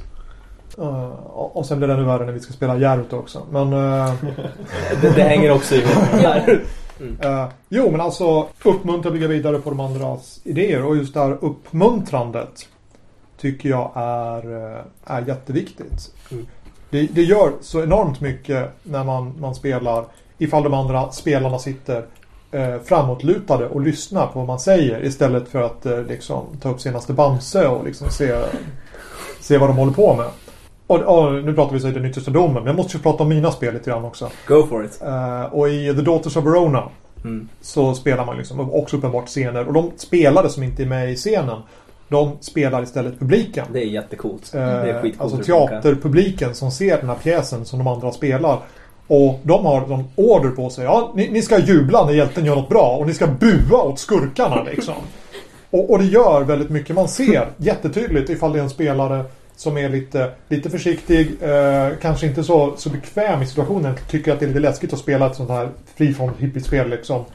Som, som tagit mod till sig att, eh, att eh, hålla en monolog. Och spelarna jublar. Eh, De andra spelarna, alltså inte bara liksom nickar instämmande utan faktiskt bara wow! Det- Eller ifall det är en skurk liksom alla bara bu vilken lömsk skurk! eh, och och, och hur, det förstärker en spelare och lyfter upp den spelaren och, och ger den mod att göra ännu djärvare saker och spela ännu fräckare liksom. Den, den motsvarande mekaniken i Den yttersta domen är ju den nyligen omdöpta eh, Gud är större. Eh, det funkar alltså så att om någon annan, spelare eller spelledare, gör någonting som du tycker är häftigt så får du skrika Gud är större! Eh, och den spelaren får ett exp och får dra ett kort större i arkanan. Det är alltså plottsocker. var, var det det som förut var så att man skulle säga awesome? Ja. Jag tyckte det var bättre. Eh, Det faller sig mer naturligt att säga awesome än att Gud är större. Som Elin förklarade, eh, eller uttryckte det så utmärkt när vi speltestade senast. Awesome är en Joel-fras och inte setting-relevant. Ja, precis. Gud, Gud, Gud är större liksom en del i, i settingen. Alltså Gud är större, alltså Allahu Akbar. Jaha, Fast översatt till svenska. Så, ja. okej. Om vi spelar liksom... Men jag gillade det väldigt mycket för att jag brukar säga awesome när saker är awesome. Så att det, fanns, det känns väldigt naturligt att säga det. Det fanns ju en del rättelser. Det är nog helt okej på Gotcon om man råkar säga awesome istället. Och, och det som är så spännande är att eh, det är en av de regler som har fått absolut bäst gensvar från liksom på konvent när jag fått runt och spelat med främlingar. Det är å ena sidan att man kan tvinga andra spelare att spela på sina sanningar, sina keys. Mm. Eh, och å andra sidan är det just det här liksom, Åh, gud är större liksom. Eftersom att det blir en så handfast belöningsmekanik. Eh, och den är helt den är helt godtycklig men godtycket ligger hos alla spelare. Alltså det, är ingen, det är inte så att spelledaren sitter och bedömer gott rollspel liksom. För det har alla varit med om kan jag tänka mig. Utan det är liksom, den är odemokratisk på det sättet att alla har total absolut makt och ingen kan säga emot det. Jag upptäckte dock att det var ganska mycket konsensus och när det hände så var det en kör som stämde upp. Det tenderar att kunna bli så. Och jag tycker att det här med uppmuntran är ju jätteviktigt. Speciellt när man gör någonting som är lite läskigt. Mm. Mm. Alltså, jag brukar tänka, inte bara när jag spelar ytterst domare, utan när, när man demar spel i allmänhet och när man spelar med någon som är eh, När man spelar med någon som man märker är osäker eller kan vara oerfaren eller så och gör något, de är liksom Om man säger, ja vad händer? Och så sitter de och tänker och tänker och inte kommer fram till någonting. Så är liksom min instinkt där är att jag väntar tills de säger någonting och vad de än säger, säger jag jättebra. Finns demonstrerat på internet. Finns demonstrerat på internet. Eh, men, men, grejen, men grejen är att visst, det låter cheesy men, men det funkar. För när man spelar så blir det inte det. Och liksom, när man spelar med någon som är osäker och de inte vet vad de ska säga och så liksom bara slänger de ur sig tre grejer som de inte är säkra på om det funkar och efter varje sak så har de jättebra, fantastiskt, mm, bra liksom. Och så bygger man vidare på det. Så känner man väldigt handfast att liksom, ja okej, det här funkar, det går. Sen kan jag ju säga då, mina erfarenheter från det där med unga oerfarna spelare, att det brukar vara det kan vara saker som kanske inte direkt är kopplade rakt till storyn. Det gör den ju inte mindre intressant alls, utan snarare tvärtom. Det brukar bli väldigt intressanta saker som kommer ut där när de haspar ur sig någonting. Ja. ja, så nu när vi är tillbaka och redo efter pausen så kan vi eh, lite så här explicit snacka om det fjärde budordet. Du ska respektera de andra spelarnas viljor. Eh, Elin hade saker hon ville säga om det här. Ja, Alltså, Hon tar av sig kavajen, drar upp ärmarna. Lägger bort glasögonen. alltså det, jag tycker att respektera spelarnas viljor handlar ju så rätt, om, är ju ganska brett. Man ska ju respektera liksom, deras bild av deras egen karaktär, deras spelstil. Eh, eh, Eh, vad, vad, vad man inte tycker om eller inte ens vill vidröra. Vart de, vart de är på väg i storyn. Det blir så brett och det handlar ju så mycket om eh, eh man kan komma ganska långt på att vara lyhörd. Men man kan ju inte komma hela vägen om man inte öppnar käften och faktiskt kommunicerar. Ja men precis. Eh, så man kan väl säga på sätt och vis att det är viktigt inte bara att man ska försöka vara lyhörd och respektera vad de andra spelarna tycker. Utan man måste också vara man måste våga säga rakt ut att liksom, nej men det här gillar jag inte. Eller det här tycker jag inte om. Ja. Och, och vilket stadie man gör det på. Vissa saker kan man ju ta innan. Liksom, Nu ska vi spela kult. Det är skräck, sperma och mensblod. Har någon problem med det? Alltså jag vill spela kult med dig. Ja, men det, det, det tar jag på konventet. Coolt! Ja, det är klart. Det låter som Monster Heart fast det är ingen skräck, det är bara sperma med ens blod. Men eh, och, och så sen handlar det ju liksom under passet. Man ska respektera folks vilja. Kontinuerligt under passet liksom. Och, ja, och, Men jag tycker ändå att det, alltså det är ganska svårt. Alltså för att, typ till exempel det här med tema. Liksom, vad för slags spel är vi spelar? Vad för slags setting är vi i? Mm. Och det är ganska lätt att i början av passet komma fram till att så här, så här ska spelet vara. Och sen när man börjar spela så liksom spelar man något helt annat. Mm. Jag och Wilper har haft spelat en hel del med Lloyd. Och Lloyd är en underbar människa.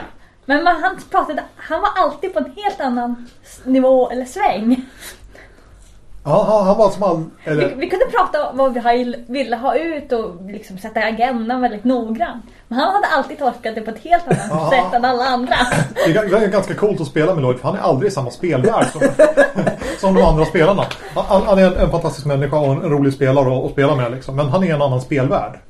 Det är, det är coolt. men det är väl också del av att respektera att om någon är i en annan spelvärld att är det viktigt för storyn vilken sorts belysning man har eller något sånt. Så, Det handlar väl lite om att Speciellt när man spelar såna här hippie improspel när man liksom inte har någon tänkt handling.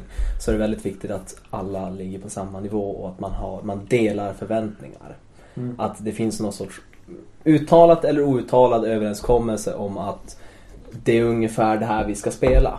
I, I vårt fall kan vi titta på Pant Explosion till exempel. För där vet vi att man kan spela Pant Explosion egentligen på två sätt. Antingen liksom ångest skolflickor som gråter i regnet. Eller så spelar man liksom Trosor överallt. Ah, du kanske spelar trosor överallt. Det, det, det andra alternativet tänkte jag att man spelar, man spelar liksom sött slice of life eh, med liksom kattunge, spöken och mumsa jordgubbstårta. Liksom sådär.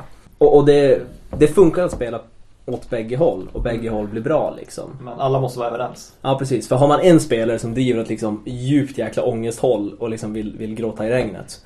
Men de andra vill liksom Klappa kattungar. vill liksom klappa kattungar och käka jordgubbstårta. Det, det blir liksom en, en så stor disconnect. Och det pajar liksom Det pajar illusionen. Men Mm. jag skulle vilja säga att det är lite som att göra en tavla tillsammans. Man ska försöka måla en bild och det blir fel om någon försöker måla någon så här äh, typ realistisk bild och de andra försöker måla kubism eller Ja surrealism. precis. Det blir fel hur man än gör. Det kan bli, det kan bli ascoolt men jag tror oftast att man har tur då. eh, Mer än skicklighet. Ja, Jo, men vad jag menar också att det kan finnas detaljer som är helt irrelevanta som klädstilar till exempel. Kanske inte har någonting med det hela att göra. Om någon, någon beskriver liksom en kråsskjorta och du tänker att nej, men vi är ju liksom i medeltida Kina. Då resa sig upp och försöka ha en 15 minuters eh, överläggning för den här personen. Hur hemskt det är att den har Då- introducerat en då spelar man inte kråsskjorta. typ indie-rollspel eller samberättarspel. Ja, fa- fast grejen är att det handlar också om att folk kan skap, sakna förkunskaper. Mm. Eh, jag brukar stöta på det när jag spelleder Ninja Domen på konvent. Just eftersom att jag har liksom hela settingen i huvudet. Och så sen så stöter man på spelare som bara ah coolt! Och så liksom slänger de in någonting helt annat. Man bara Fan vad coolt! Det är helt okanon men, men det är kanon för det här spelpasset. För det finns ingenting förutom berättelsen vid bordet liksom. Rollspel finns bara till den mån de spelas. Alltså, det låter så kul när du pratar om det där. Det låter som att liksom vad spelarna än säger så bara Fan vad coolt. Alltså har de aldrig typ trampat dig på fötterna bara Aj liksom. Eh, Sabbat hela din spelvärld. då. Nej. Eller jo, alltså det, är, klart- det, är klart, de, de, det är klart de har skrivit om grejer. Men, men det är ju bara häftigt. Eftersom att jag, tycker, jag tycker att det är jättespännande att se hur folk tolkar informationen de får.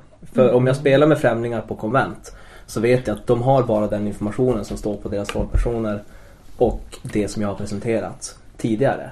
Och då kan liksom inte jag som spelledare sitta och bara Nej, alltså vet du vad? Det är faktiskt så att för 30 år sedan så skrev kalifatet Alltså sådär liksom. Mm, det är lite typ ditt eget fel att de inte har förstått det. Nej, nej. Det, det, alltså, jag ska inte säga eget fel. Det, det är en sån grej man måste köpa helt enkelt. Och det, det, det är det jag menar att det, det, det, det är också att köpa att någon annan då gör nu ska man inte använda ordet fel men folk begriper vad jag menar när jag säger att om någon annan gör fel också, respektera det och liksom. Det gör ingenting. Vi, De- roll with the punches De spelar på ett annat sätt. Mm. De tolkar materialet på ett annat sätt. Precis. Och det, är också, det ser jag också som respektera dina medspelare.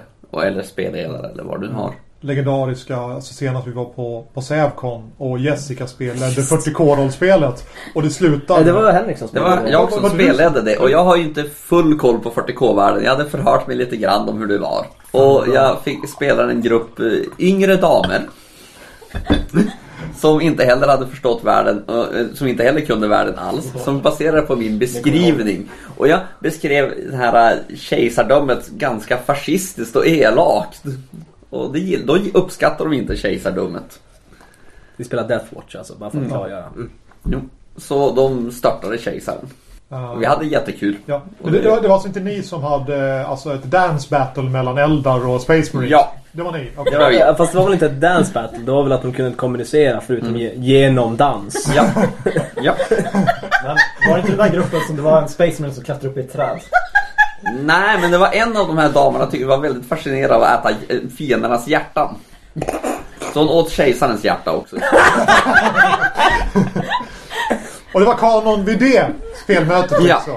Precis. Och jag har fått väl höjda ögonbryn men ingen kritik kan jag säga. Alla tyckte att det har varit Gud är större.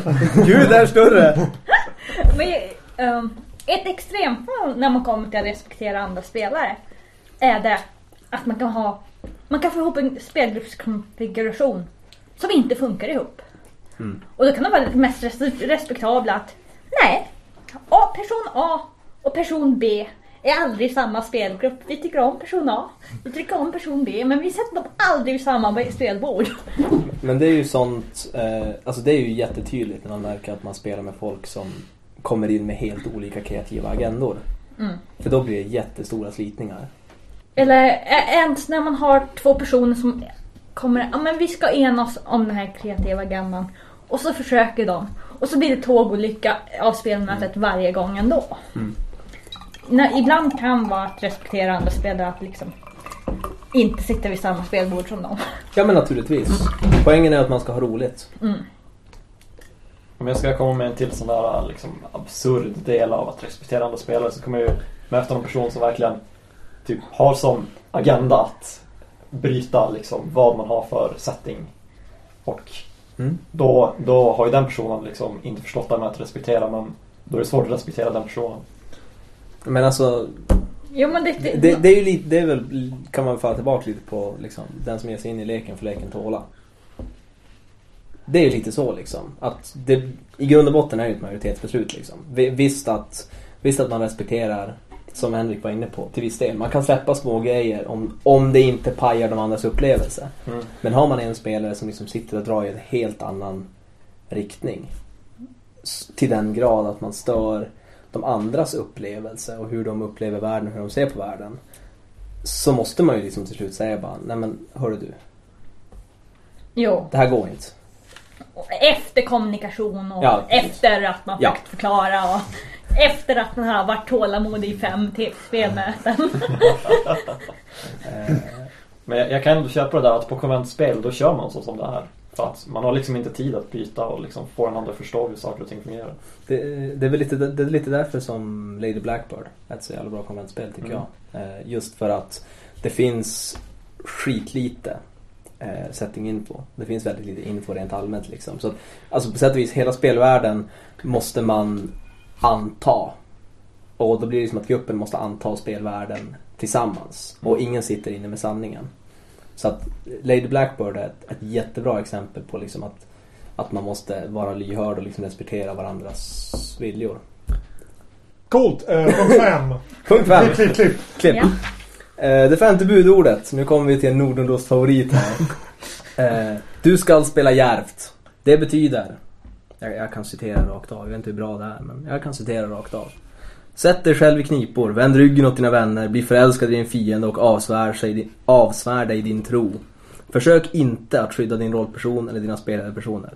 Gör alltid det som är dramatiskt intressant och som din rollperson vill. Även om du som spelare, spele, spelare vet att det är kortsiktigt och dumt. Du vill sätta din rollperson i svåra situationer för att tvinga dig att göra svåra val och därigenom lär du dig vem din rollperson är. Därigenom förändras den. När andra spelare beskriver hur de upplever din, rollperson, blockera inte deras idéer utan utforska deras synsätt. Ändra konstant på saker, personer och förhållanden. Stagnation är undergång. Var orädd. Tveka aldrig. Spela djärvt.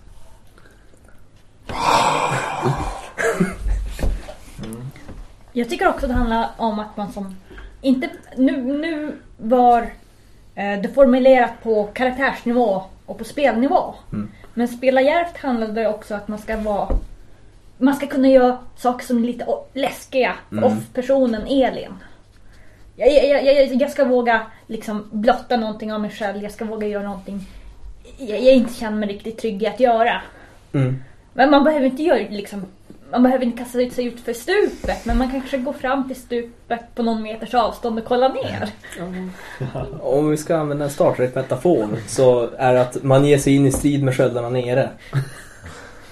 L- lite så. Alltså man, man, blott, man vågar blotta sig själv och göra det som är läskigt och som är farligt. Eftersom att det blir intressant. Det skapar extrema situationer. Mm. Och det här är sjukt svårt. Och det kräver ju jättemycket lyhördhet. För Mm. tänk om man gör någonting som är lite läskigt och de andra spelarna skrattar åt den. Ja. Liksom, då, då dör man ju. Ja, oh ja. Det finns ju ett sätt att göra det här om man nu vill utforska sådana saker. Det är ju via spela med fullständiga främlingar via textbaserat internet. Då kan man göra ganska eh, vidriga saker med, då kan man spela väldigt djärvt.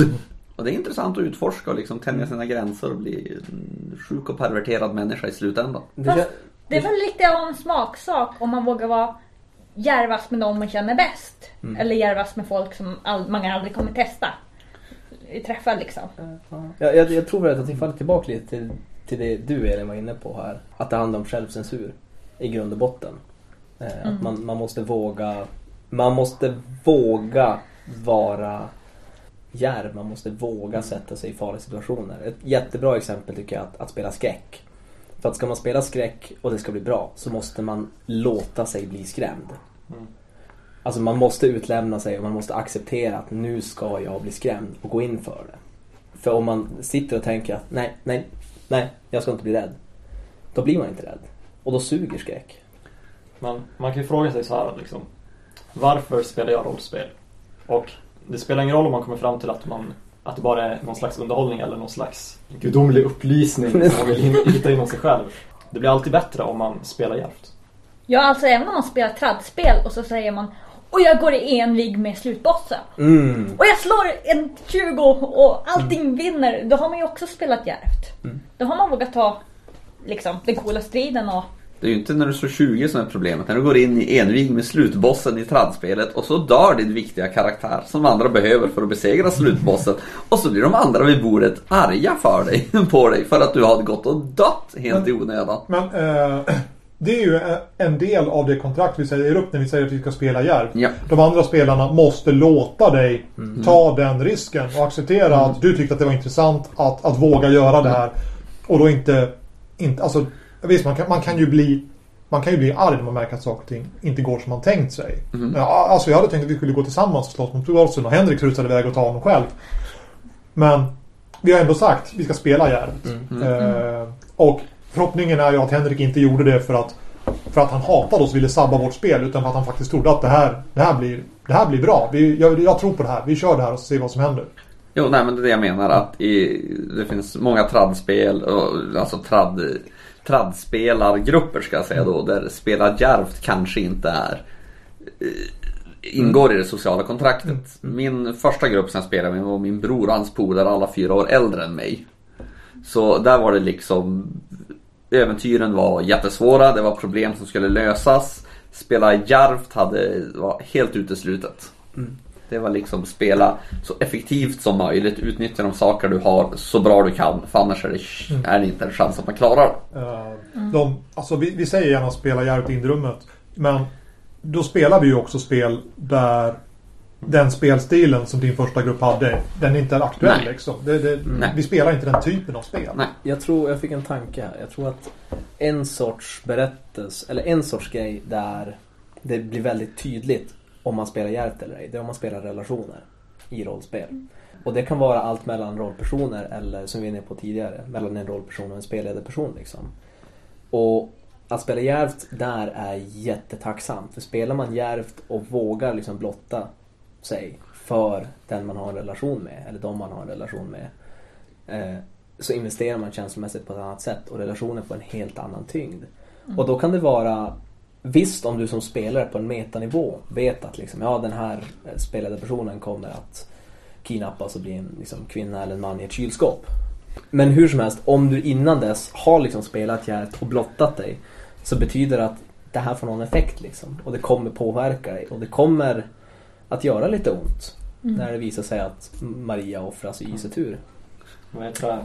Ja, grunden i berättelsen är liksom att, att hitta problem eller saker som är liksom annorlunda. Och om man inte låter sig själv liksom gå på de här minerna då kommer man aldrig få något problem och då får man ingen intressant berättelse. Det är ju en annan sak också med att spela djärvt som blir enklare de typen av spel som spelas i indierummet Nordnordost. Det är ju för att jag har inte stött på ett enda spel i alla fall än där man inte har i princip script immunity. Hur tänker du? Att din karaktär kan inte dö bara för att du gör ett dåligt beslut om det inte passar i storyn och så vidare. Det är Men det gäller väl alla konventscenarion? Lite grann. Nej. Eh, Nej, det, är därför jag inte spelar andra människors arrangemang på konvent. För att, För att ta dramatisk ja, upplevelse. jag, har varit, jag har varit där. Det finns ett trauma inom mig liksom. Ja men jag tycker att i de flesta konventsäventyr har man plottskrift fram till, eh, man har plott armor fram till sista timmen. Ja. Jävla bra scenarion. Ni spelmakare ute som DMar era spel på konvent och låter rollpersonerna dö de 20 första minuterna. Skäms! Skäm! Ja, nej, Speciellt ni som låter dem dö på grund av damm. Det känns som att det finns en fantastisk Ja, nej, jag, jag har samma upplevelse kan jag berätta. Jag ville, jag, var en timme in i äventyret eller något sånt. Skurkarna kom efter oss och jagade oss av någon anledning och vi var oskyldiga till det. Så jag ville gå fram och prata med dem. Jag blev skjuten i huvudet. Ändå story. Alltså, men jag ty- tycker inte det är något generellt att man i alla narrativistiska spel alltid har plot armor. Så är det ju inte. Okej, jag, Men, men, jag, på jag, konventscenarion så har man plot armor. jag har inte stött på ett enda narrativistiskt spel där man inte haft plot armor. Ja, kanske Zombie Cinema.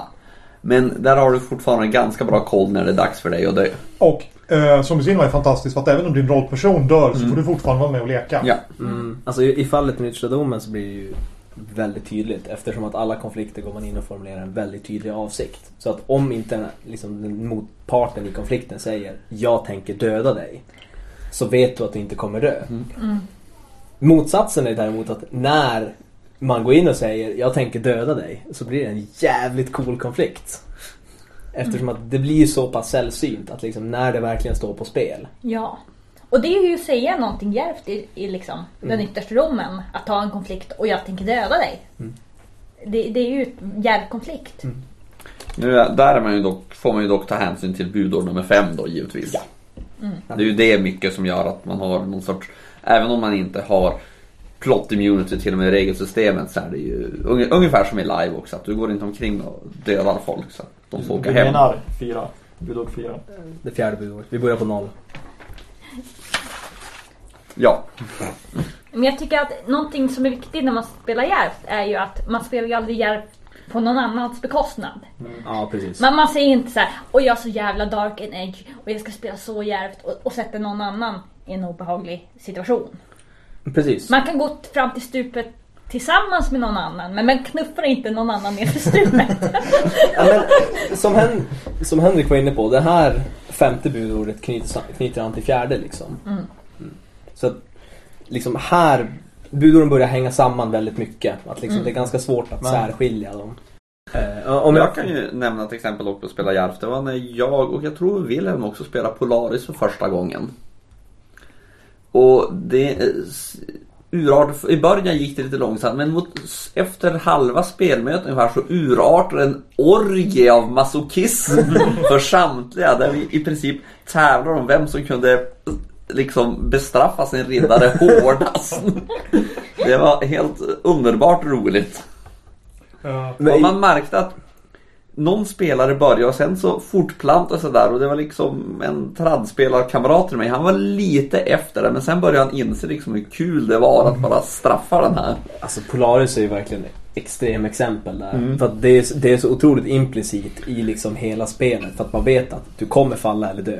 Punkt slut liksom. Mm. Så att det är som så underförstått och överenskommet att du ska plåga din riddare. Du ska plåga din riddare så mycket. Du ska misslyckas och du ska bryta mot alla dina löften och du ska förråda ditt folk. Det gör att spelet är väldigt svårt att spela om man liksom inte kan spela djärvt. Ja, ja. ja. Det är väldigt bra att spela dock om man inte kan spela djärvt för man lär sig tycker jag. Men man får ju spela djärvt på sin egen nivå. Jo. Ja. Jag kommer annars ihåg första gången vi spelade Montsegur. För Montsegur är ju också ett sånt spel där man verkligen måste spela djärvt och liksom Ja. ge sig in och, och våga drabbas av ångest och personliga Det tragedier. var ju då liksom, det, det var så här, ah, hela slottet liksom håller på att rasa och sen så här är det en person som får missfall och liksom. Ja, just. För, för just första omgången var det så tydligt. För första halvan av spelet var liksom med.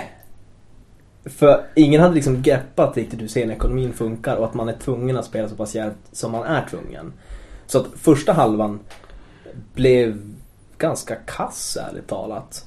Och sen liksom i pausen någonstans bara men, men vi, måste, vi måste ju spela så här, vi måste ju spela djärvt. Och så gjorde vi det. Och så blev det bra. Jag kommer inte ihåg men jag kommer ihåg att liksom, det var någon, någon så här parti då liksom allting började hända. Mm. Och det var så här helt galet och bara awesome. Mm.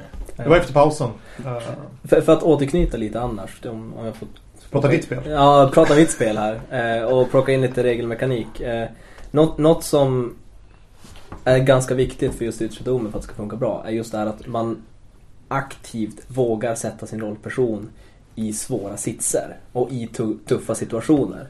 Eftersom att när man hamnar i tuffa situationer så tvingas, så utmanas ens, ens sanningar, ens keys. Liksom det man tror på och det man, det man kämpar för. Och det är de scenerna som är de väldigt intressanta. Eftersom att där lär man sig verkligen om vem ens rollperson är och vad man är villig att göra och vad man är villig att offra. Så att om man spelar djärvt och håller igen så blir det liksom ganska löket. Men om man spelar djärvt och liksom kastar sig in och verkligen plågar sig själv och sätter sig i tuffa sitser så tvingar man sig att göra svåra val och liksom lida lite. Eller inte ens lida. Tvärtom, när man känner att liksom Nej men fuck it liksom. Jag har insett nu att, att min familj är viktigare än min egen lycka. Skitbra. Och så spelar man på det. Det är en otroligt belönande känsla. Att få göra de valen och få känna den, den liksom känslan av att man utvecklas. Eh, och växer. Som rollperson. Men, Ska vi gå vidare? Det tycker jag. Det sjätte budordet säger att du ska söka konflikter. Eh, och inte bara konflikter i allmänhet utan konflikter regelmässigt. Alltså. Eh, och anledningen att det är den regelmässiga funktionen är för att delvis är, delvis är det spännande att låta slumpen avgöra vad som händer. Och delvis så låter konflikter, bl- konflikter blottlägger vad rollpersonerna verkligen tycker. Eftersom att innan man ger sig in i en konflikt så måste man säga klart och tydligt. Det här är min avsikt. Det här är vad jag vill få igenom med konflikten. Eh, och det gör det väldigt tydligt. Och då fattar man liksom, här har vi två vägval. Och sen får man reda på vart, vart hän det går senare. Och, och det gäller ju oavsett om man har ett konfliktsystem. Man, man söker det genom ett konfliktsystem eller gör det utan ett konfliktsystem. Mm. Du vill ha någon form av konflikt. Du vill ha en konflikt mot dig själv, du vill ha en konflikt mot världen eller du vill ha en konflikt mot andra spelare. man vill inte spela en solskenshistoria. Liksom, det kanske är, nej det är inte kul. Alltså även en solskenshistoria kan ju ha konflikter. Alltså konflikter är det som gör berättelser intressanta.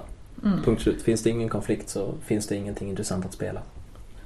Eller man kan ju spela så här artsy liksom. Det här är ingen konflikt.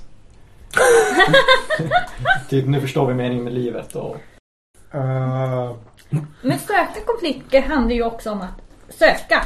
Mm. Alltså, Man spelar konfrontativt. ja alltså man, man, är hela partyt överens så söker man någonting man inte är överens om. Och det kan vara en, en, yt- ett yttre hot. Det behöver inte vara inre konflikter som så. Det kan vara ett yttre, en yttre konflikt också.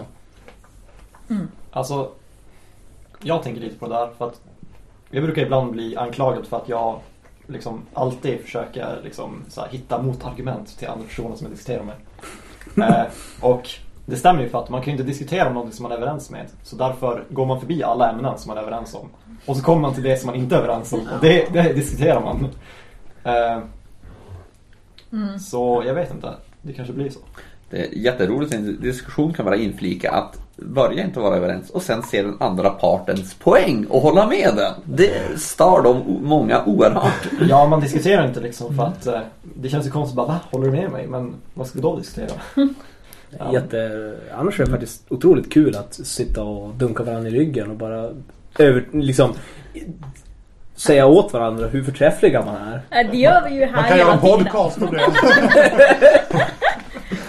Eh, ja, eh, en, en till grej som är värd att fl- flika in också. Anledningen att det är en regelmässiga termen som understryks är för att som hela regelsystemet är skrivet så hänger allting ihop.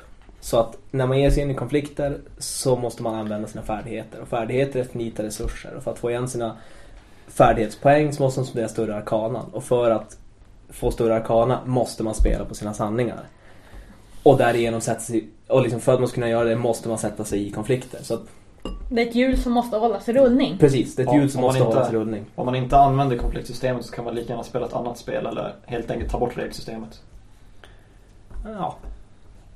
Jo, lite så. Med den dräpan så rullar vi vidare på nästa punkt. Ja. Sju. Du skall spela med distans till fiktionen. En tydlig punkt där eh, det är en sanning för den yttersta domen men inte för bra rollspel i allmänhet. Skulle man... Ja, verkligen, verkligen, verkligen. För, för att återgå, man kan inte spela skräck med distans. Det går inte. Skräck bygger 100% på immersion. Den yttersta domen gör inte det. För, för återigen, i och med hur scenstrukturen ser ut och i och med att alla sitter och lyssnar på alla scener. Så att som spelare vet man alltid mer än sin rollperson.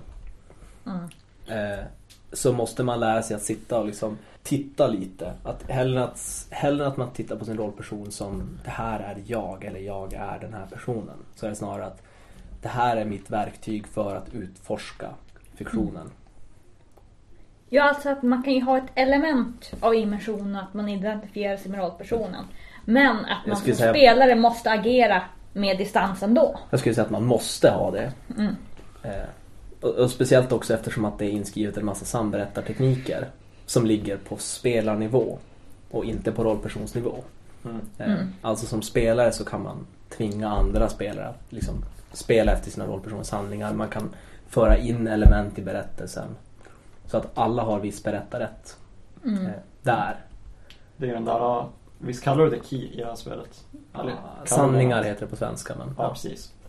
Eh, det är ju helt omöjligt att spela in karaktär. Eller ja, om man vet vad personen har för liksom, brister så kanske man kan utnyttja dem som karaktär. Men ja, jag gillar det i Yttersordomen. ja. Jag hade någonting. Jag, jag, jo, och alltså ibland när man vill spela djärvt, så, spela djärvt så vill man ju spela väldigt nära och väldigt så här. Men här tycker jag att här är ju ett redskap att ha distans för att spela djärvt. Mm. Man, man vågar vara lite mer vårdslös med sin rollperson. Ja, här står det att man ska ha distans och eh, ja, då kan jag ju vara lite extra modig för det står ju att jag ska ha distans. Precis. Ja. Precis. Och kommer jag på någonting pinsamt, då har jag egentligen distans till det. Det, det är ju rollpersonen som säger det, det är ju inte du liksom. Ja, ja vi har ju distans. Det är ju inskrivet. Precis. Och då blir det ju ett redskap för att kunna vara mer djärv. Jag hade ju tolkat in någonting helt annat i den här frågan. Jag vet inte ens om det ska vara här eller om det hör snarare till budord nummer 10. Men det är också med distans till en rollperson tänkte jag mig att konflikter som en rollperson har med andra rollpersoner ska ju inte, som i alla rollspel, ska ju inte överföras mellan spelarna. Eller vice versa, att konflikter som spelarna har då ska inte överföras till mellan rollpersonerna nödvändigtvis. Men det, det är, väl en så- sån där regel som jag tror vi kan ha i alla rollspel. det, Alltså, Men ibland, skräck till exempel. Då spelar man ju Ja. medvetet för att få blid mellan rollperson och sig själv. Alltså skräck handlar ju inte om att skrämma rollpersonen. Det handlar om att skrämma spelaren. Liksom, när, när du spelar skräck ska du ha en rollperson som, är, som du kan identifiera dig med så mycket som möjligt. Liksom. Där får är man då en skräcktabell? Eh, vi- Man har- man vi har- den. Man, man har inte en skräcktabell, det är poängen. Och för alla som vill läsa Skräck med skräcktabell, vs Skräck utan skräcktabell, finns ju vår rollspels.nus längsta tråd om det. Det är väl typ tusen inlägg som är tre sidor långa. Eh, annars om ni vill läsa och spela det bästa skräckspelet någonsin så ska ni kolla in Dread. Eh, Jenga-spelet, inte Dread, The First Book of Pandemonium. För det är helt fantastiskt och det bygger 100% på eh, att man har så liten liksom, differens mellan rollperson och spelare som möjligt. som det norska kulturspelet tror jag vi pratar om i Holmkarl-avsnittet. Men norska kulturspel är ju fantastiskt. Jag kommer ihåg att jag, när jag hörde det så bara shit, det här lät riktigt coolt. Ja. Och när jag lyssnar igenom podcasten så bara shit, fan vilken douchebag jag är. Jag sitter och snackar skit om hela norska spelscenen. Men det hade du tydligen med dig också. Det känns som att vi typ täckte den punkten ganska bra. Ja, Den var Ja. inte så stor. Så. Eh, åttonde punkten. Eh, åttonde budord. Du ska icke hava hemligheter. Eh, som sagt, här...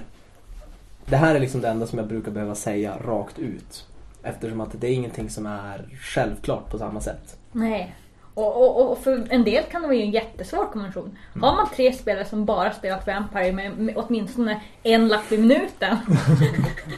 Ja, och i sådana spel funkar det jättebra. Ja, ja, där det är där hemligt. ingår i sociala kontraktet att man ska ha hemligheter. Men här ska man inte ha det. Nej. Men Eh, man kan ju fortfarande ha, det är inte som att jag som rollperson, eller min rollperson behöver inte gå runt och typ tänka högt så att alla andra vet exakt vad den tänker.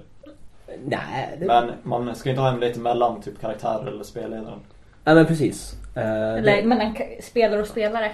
ja, men precis. Det, det, det är helt förbjudet att försöka undanhålla någon sorts information. Det, det, är liksom, det finns ingen secret information i det här spelet. Precis. På ett off-plan. På ett off-plan såklart. Rollpersoner kan vara. Alltså, och för grejen att jag, jag satt och försökte fundera kring det här. Varför gillar jag det här och varför är det så? Eh, för mig så klickade det när jag tänkte på det i termer av dramatisk ironi. Eh, när, man Okej. tänk, när man tänker i den klassiska dramaturgin. Eh, dramatisk ironi är vad som sker när vi som publiken vet mer än karaktärerna i pjäsen. Och det är det som gör det spännande. För, för att anknyta lite till Dodds of Verona här så kan vi ta Shakespeares pjäs Othello. Eh, där vi har alltså Othello, den moriska kaptenen som är eh, en fantastisk soldat och fantastisk på alla sätt och vis och som är, som är trolovad till den vackra Desdemona. Men hans löjtnant Iago är fruktansvärt avundsjuk på Othello och genom hela pjäsen så, liksom sitt, så håller Iago på att liksom viska i Othellos öra och antyda att Desdemona är otrogen mot honom. Och till slut faller Othello för det här och tror på Jagos lögner, tar det som sanning och det slutar med att han dödar Desdemona. Och det spännande ligger i att man vet att Desdemona är oskyldig. Precis, det spännande är att vi som publik vet att Iago är en skurk, Desdemona är oskyldig och Othello har sina brister. Det spännande kommer av att vi ser Othellos svagheter. Hans svagheter som karaktär blottläggs för oss genom hans handlingar. Eftersom att vi vet om att han har fel. Mm. Och därigenom lär vi känna honom bättre. Ehm, Och det, även när när man spelar trädspel och har en hemlighet så är det ingenting som är så trist som att hemligheten aldrig någonsin avslöjas. Alltså spela en hel Vampire-kampanj och så efteråt jag...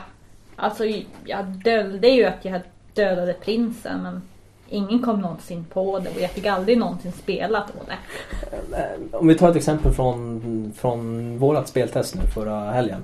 Eh, Så eh, Willem, du etablerar ju att eh, Sara hade ett förhållande med Narek liksom. Mm. Eh, och det var off-information. Men eftersom att vi alla hade den off-informationen så kunde du Elin sätta en scen där du råkar gå in och se de här tillsammans. Mm. Liksom. Och för rollpersonen så var det ju ett sammanträffande. Och scenen var ju som uppbyggd som ett sammanträffande.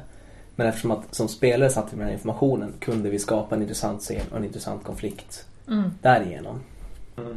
Eftersom att, liksom med tanke på det budord som är före att man ska ha distans till fiktionen. Mm. Så underlättar det att man faktiskt vet vad alla håller på med. Mm. För annars kan man inte tänka meta. Och, och återigen, det, det tidigare budordet att man ska ha distans är ju väldigt viktigt. För man får ju inte missbruka det här och metagamea på kunskapen. Eftersom att då tappar man hela poängen. Eller man ska ju ska- metagamea Ja, fast på men- rätt sätt. Ja men precis. Man ska gå ja. in där av misstag. Na- naturligtvis, man ska inte liksom man, man ska inte använda det till sin Man ska inte, fördel. eller man ska inte skru, skruva över någon med det. Ja men Du har precis. ju spelat djärvt också. Att du ska ju drabba din egen karaktär med det här istället. Precis.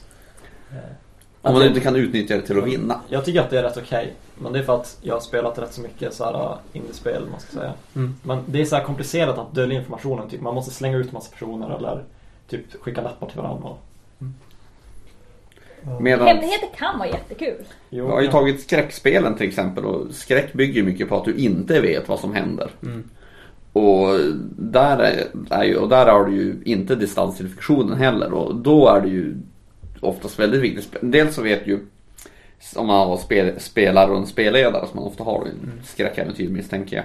Jag kan inte se hur man skulle kunna göra det annars för att få det riktigt intressant. Men i alla fall. Det är svårt. Mm. Och då finns det ju hemligheter vad då den här ondskan är ute efter och så vidare. Så där har man ju hemligheter. Ja naturligtvis. Det, här- det här går ju, det här funkar för, för den här spelstilen. Mm. Det funkar inte alls för andra spelstilar. Jag tycker att eh, du ska inte ha hemligheter. Det kommer ju också tillbaka till det här att ibland måste man öppna käften. Uh, vid vid Vilpe behöver ju inte ha en hemlighet bara för att jag... Vad fan håller han på med? Jag fattar inte. Och då kan man ställa, eh, Vilper vad vill du uppnå med det där? Mm. Mm. Vilper är min exempelperson. Ja, ja, tacksamt. Så kan tänkas göra vad som helst. Ja alltså och, och saken är också att som, som regelsystemet ser ut också är det så att alla alla kan vara inblandade i alla scener. Alltså även om ens rollperson inte är med så sitter man ändå och lyssnar, liksom, och lyssnar och man har alltid möjlighet att liksom föra in element i scener. När två helt andra rollpersoner sitter så kan man säga åh vad spännande det skulle vara om om om eh, om Kristoffer spelade på den här sanningen just nu och så ger han ett kort och så säger jag vad som händer där. Mm. Och där är det också här de här sanningarna som finns i ditt spel till exempel. Att de, måste, de är man ju ute efter så att säga. De man vill spela på i konflikter. Så då måste man veta vilka sanningar de andra har. Precis. Medan till exempel då Vampire bygger på att de vet inte vad min rollperson håller på med Precis. eller vad de har för kunskaper. Eh, när vi spelar uh, Den yttersta domen så händer det att någon liksom sträcker sig över bordet och tar någons rollformulär för att läsa. Vad tror du på egentligen?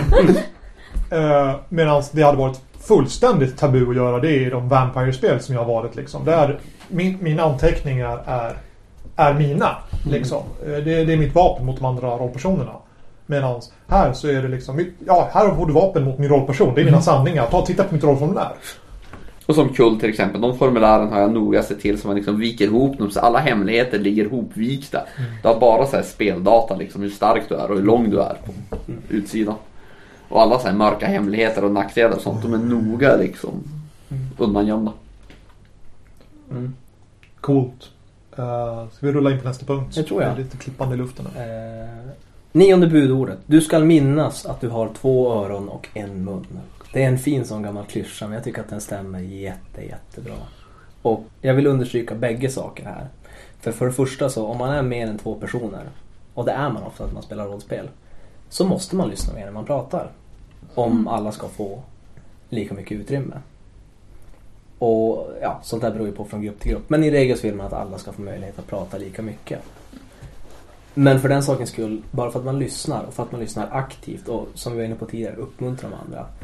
Så ska man heller inte glömma att man har en mun. Alltså man måste komma ihåg att prata Och att göra sin röst hörd och att få in sina idéer liksom. Förhoppningsvis är man inbjuden vid bordet för att de andra tycker att man, man har någonting att bidra med. Då Mm. ska man inte tjuvhålla på det utan faktiskt.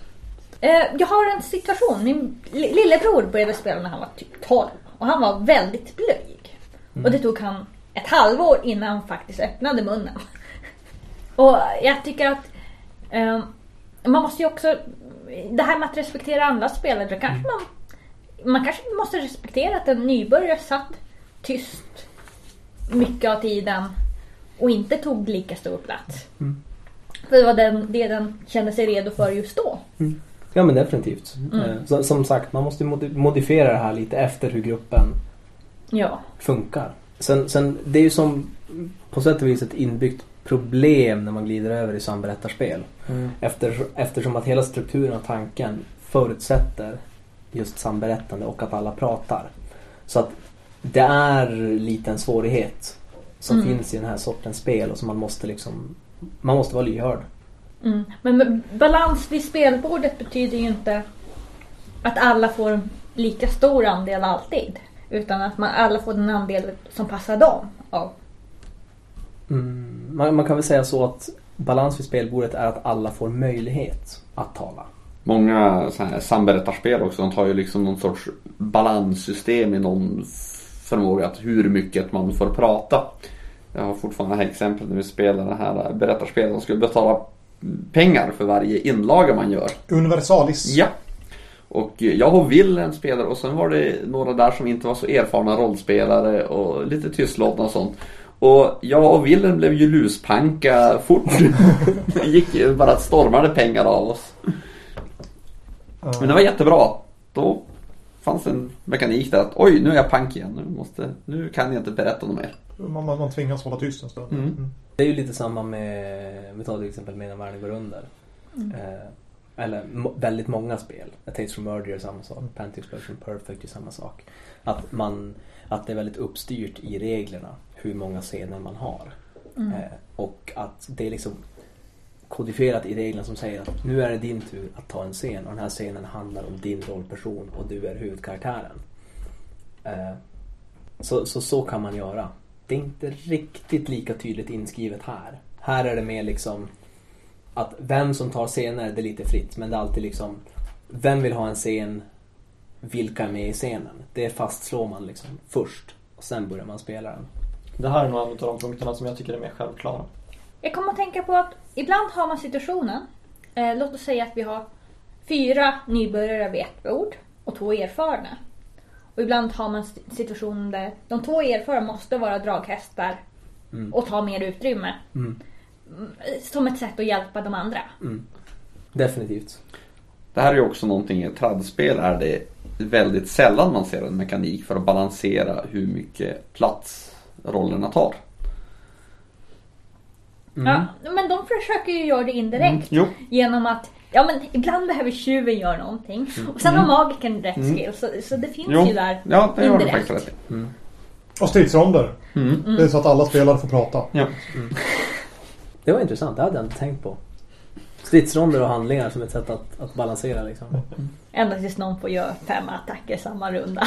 Ja, eh, det var därför jag lämnade min, eh, min gamla grupp. Eh, eh, alltså det är fa- fantastiska människor, jag umgås gärna med dem. Jag, jag slutade spela rollspel med dem för de spelade Shadowrun.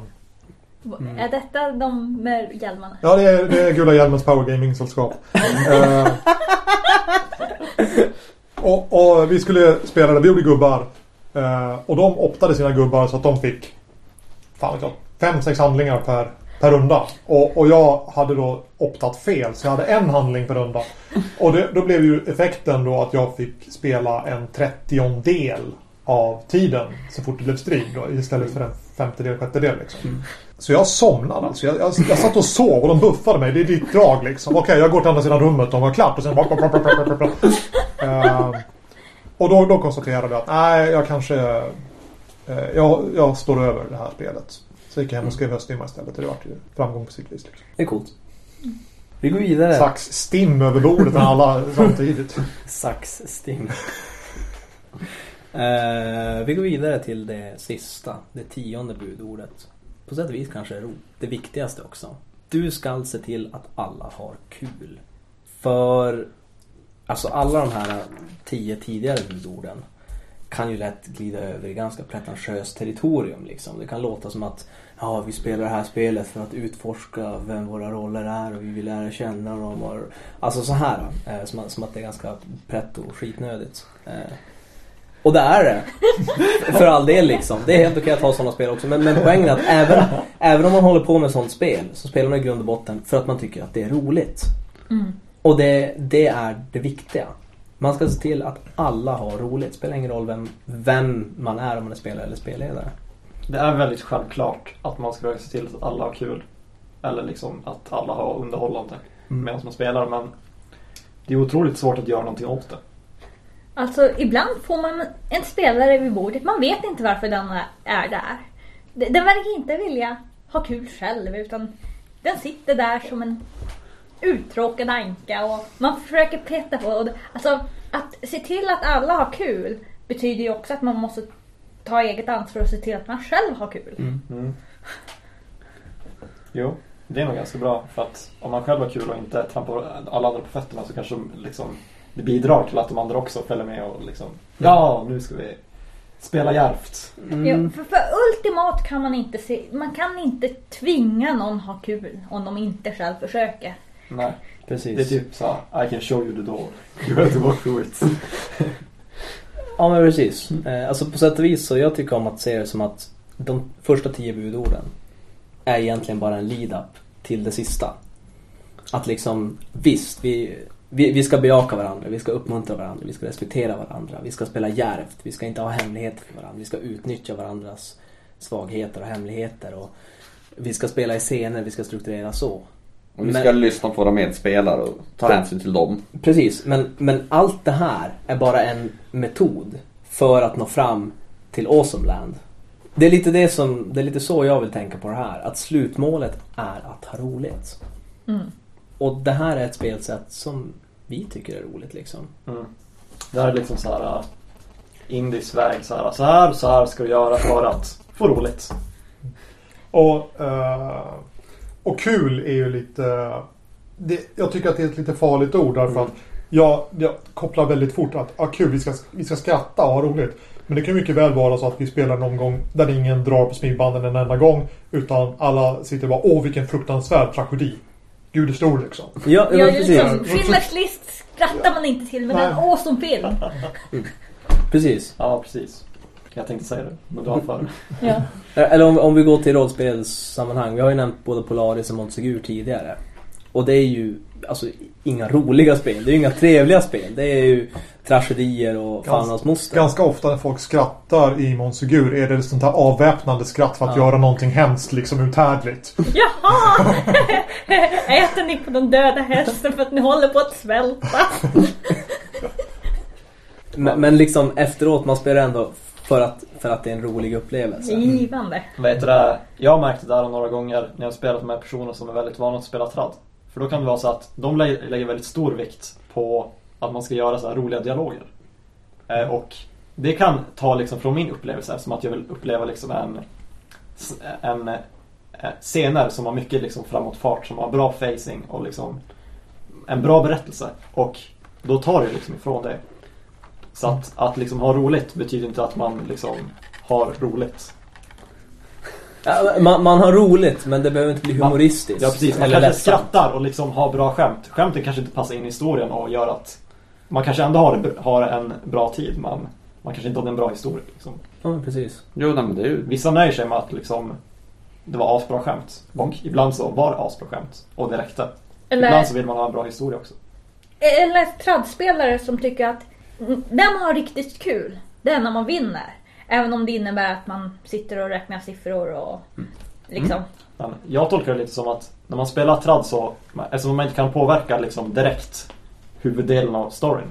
Så det man kan göra är liksom att ha bra dialog. Det är liksom, man kan inte göra någonting åt det, man får alltid prata. Men Nej, det finns ett spel som styrs av... okej då, man kan inte alltid prata men oftast. Eh, och eftersom att i indiespel så kan du liksom lägga energin, din kreativa energi på att driva fram en historia. Eh, då behöver man inte använda liksom den här typen av skämt, även om det bidrar.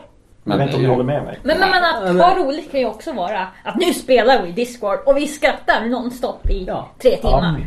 Men alltså, Det är liksom vad man har för, för mål med spelandet. ja, alltså det handlar väl egentligen om, om vilken kreativ agenda man följer. Ja. Eh, Och här har vi liksom, här är en kreativ agenda som ska leda till att man har roligt. Eh, om vi tar Willem, ditt exempel igen liksom, med Shadowrun-gruppen. Jag utgår från att de har roligt när de spelar det. Ja. Eh, det är ju en, en, en sån här klassisk grupp som... eh, Okej, när jag spelade med dem, det, är- det är ju ganska många år sedan nu. Men det, det är en grupp där man citerar Monty Python. Ja. Man, man, man äter gott. Uh, citerar Monty Python. Spelar Miami Vice-temat som intro till alla spelmöten liksom. Eh, Vi borde prova det. Korvstroganoff är Jag, jag, jag, spelade, jag spelade Apocalypse World i Norrbottens inland i höstas. Då hade vi Pistvakt och PX Pistols. Ockelbo 300 som introlåt. Mm. Funkade utmärkt. eh, Men vad gör man när någon inte har kul? Jag tror att alla har suttit vid ett spelbord där en eller två inte har kul. Ja. Alltså, jag vet att du, Wilhelm, är glad att säga Coolt, ni har kreativa agendor som inte kommer överens. Hitta en ny grupp. Mm. Och det är ett råd. Jo. Kanske inte det enklaste rådet alltid om man bor i typ Sorsele och det finns en rollspelsgrupp. Men kan vi inte komma fram med något så här äh, liksom. Du sitter på ett konventspass och det är en person i hörnet som sitter och har tråkigt. Så här ska ni göra för att det ska bli bra. Alltså man, jag tycker det första man gör är prata. Ja. Ja. ta, Det, det är ta, verkligen så ta, enkelt. ta, ta en paus. Ja. Eh, spel, pa, pausa Ja. spelet, hämta, hämta fika, snacka om spelet. Det är jätteviktigt. Speciellt med främmande människor. Men, men sen kan det ju vara folk som har kul och inte har kul och liksom helt logiska. Jag, jag har varit på konvent i tre dagar och inte sovit någonting. Nu är jag trött och less. Och då kanske man låter dem sitta med vid bordet för de tycker att det ändå är ganska kul trots att de inte drar på smilbanden. Ja, det hade vi också när jag spelade i så var det en grupp som inte hade sovit någonting. De hade i alla fall jätteroligt när vi spelade. Jag var väl så här lite måttligt förtjust i äventyret fortskred och liksom försöka hålla någon sorts eh, närvaro i dem och så vidare. Men de hade roligt. Så. Jag, jag fick en liten sån, liten sån upplevelse faktiskt på Säfcon senast också. Eh, på söndag morgon, för då hade jag sovit kanske två och en halv timme. Vaknade tio minuter innan utsatt spelpass, gled in och så var jag skitbutter. Liksom, jag, jag, jag är butter på morgonen liksom.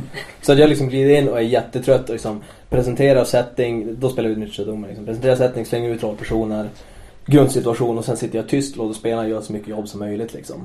Och jag hade ju jättetråkigt de första två timmarna för att jag var så jävla trött och seg. Men, men sen spelarna hade ju jättekul och liksom drog det hela till Awesomeland så att finalen blev helt amazing och då hade jag jätteroligt. Ja, alltså, jag tycker att man, man måste inte ha kul. Man inte misslyckas om man inte är kul. Att ha kul är en strävan. Det är ingenting som automatiskt inträffar. Ja men precis. Har väl att göra med det där att icke, inte anstränga sig också. Ja. Jag tror att vi kan göra ett helt avsnitt av punkt 10. Ja. Eh, Mm. Där vi, alltså vi har ju haft ett sånt avsnitt om punkt 10 redan. Mm. Där vi säger så här har man roligt med den yttersta domen och lite stickspår åt olika håll. Men de diskussioner som kommer upp här att Ja, men vad gör man när det inte är roligt liksom? Mm. Hur, hur åtgärdar man det? Har vi några tips och knep? Det finns, det finns andra sätt än att eh, Ta fram ta- en pruttkudde. ta, tacka för sig. Men jag tror att vi får ta det i ett annat, eh, ett annat Ja. avsnitt. Precis. Det här avsnittet har handlat om de elva budorden. Eh, elva kontinuerliga regler som styr hur man ska spela den yttersta domen. Eh, de beskriver den kreativa agendan och några av de tekniker som inte nödvändigtvis är mekaniskt kopplade i systemet. Och dessa principer ska tillsammans driva spelet åt att alla har roligt och alla får säga det de tycker och alla får utforska sina rollpersoners spännande berättelser. Och som allt vårt prat om kreativa agendor och olika spelsätt och jämförelser med andra indiespel och tradspel och så visar så försöker inte de här budorden på något sätt vara allmängiltiga för alla sorters spel. Det, är, det här är inte någon sorts rollspelsbibel för hur du ska spela. Utan det är budord som säger så här spelar den yttersta domen.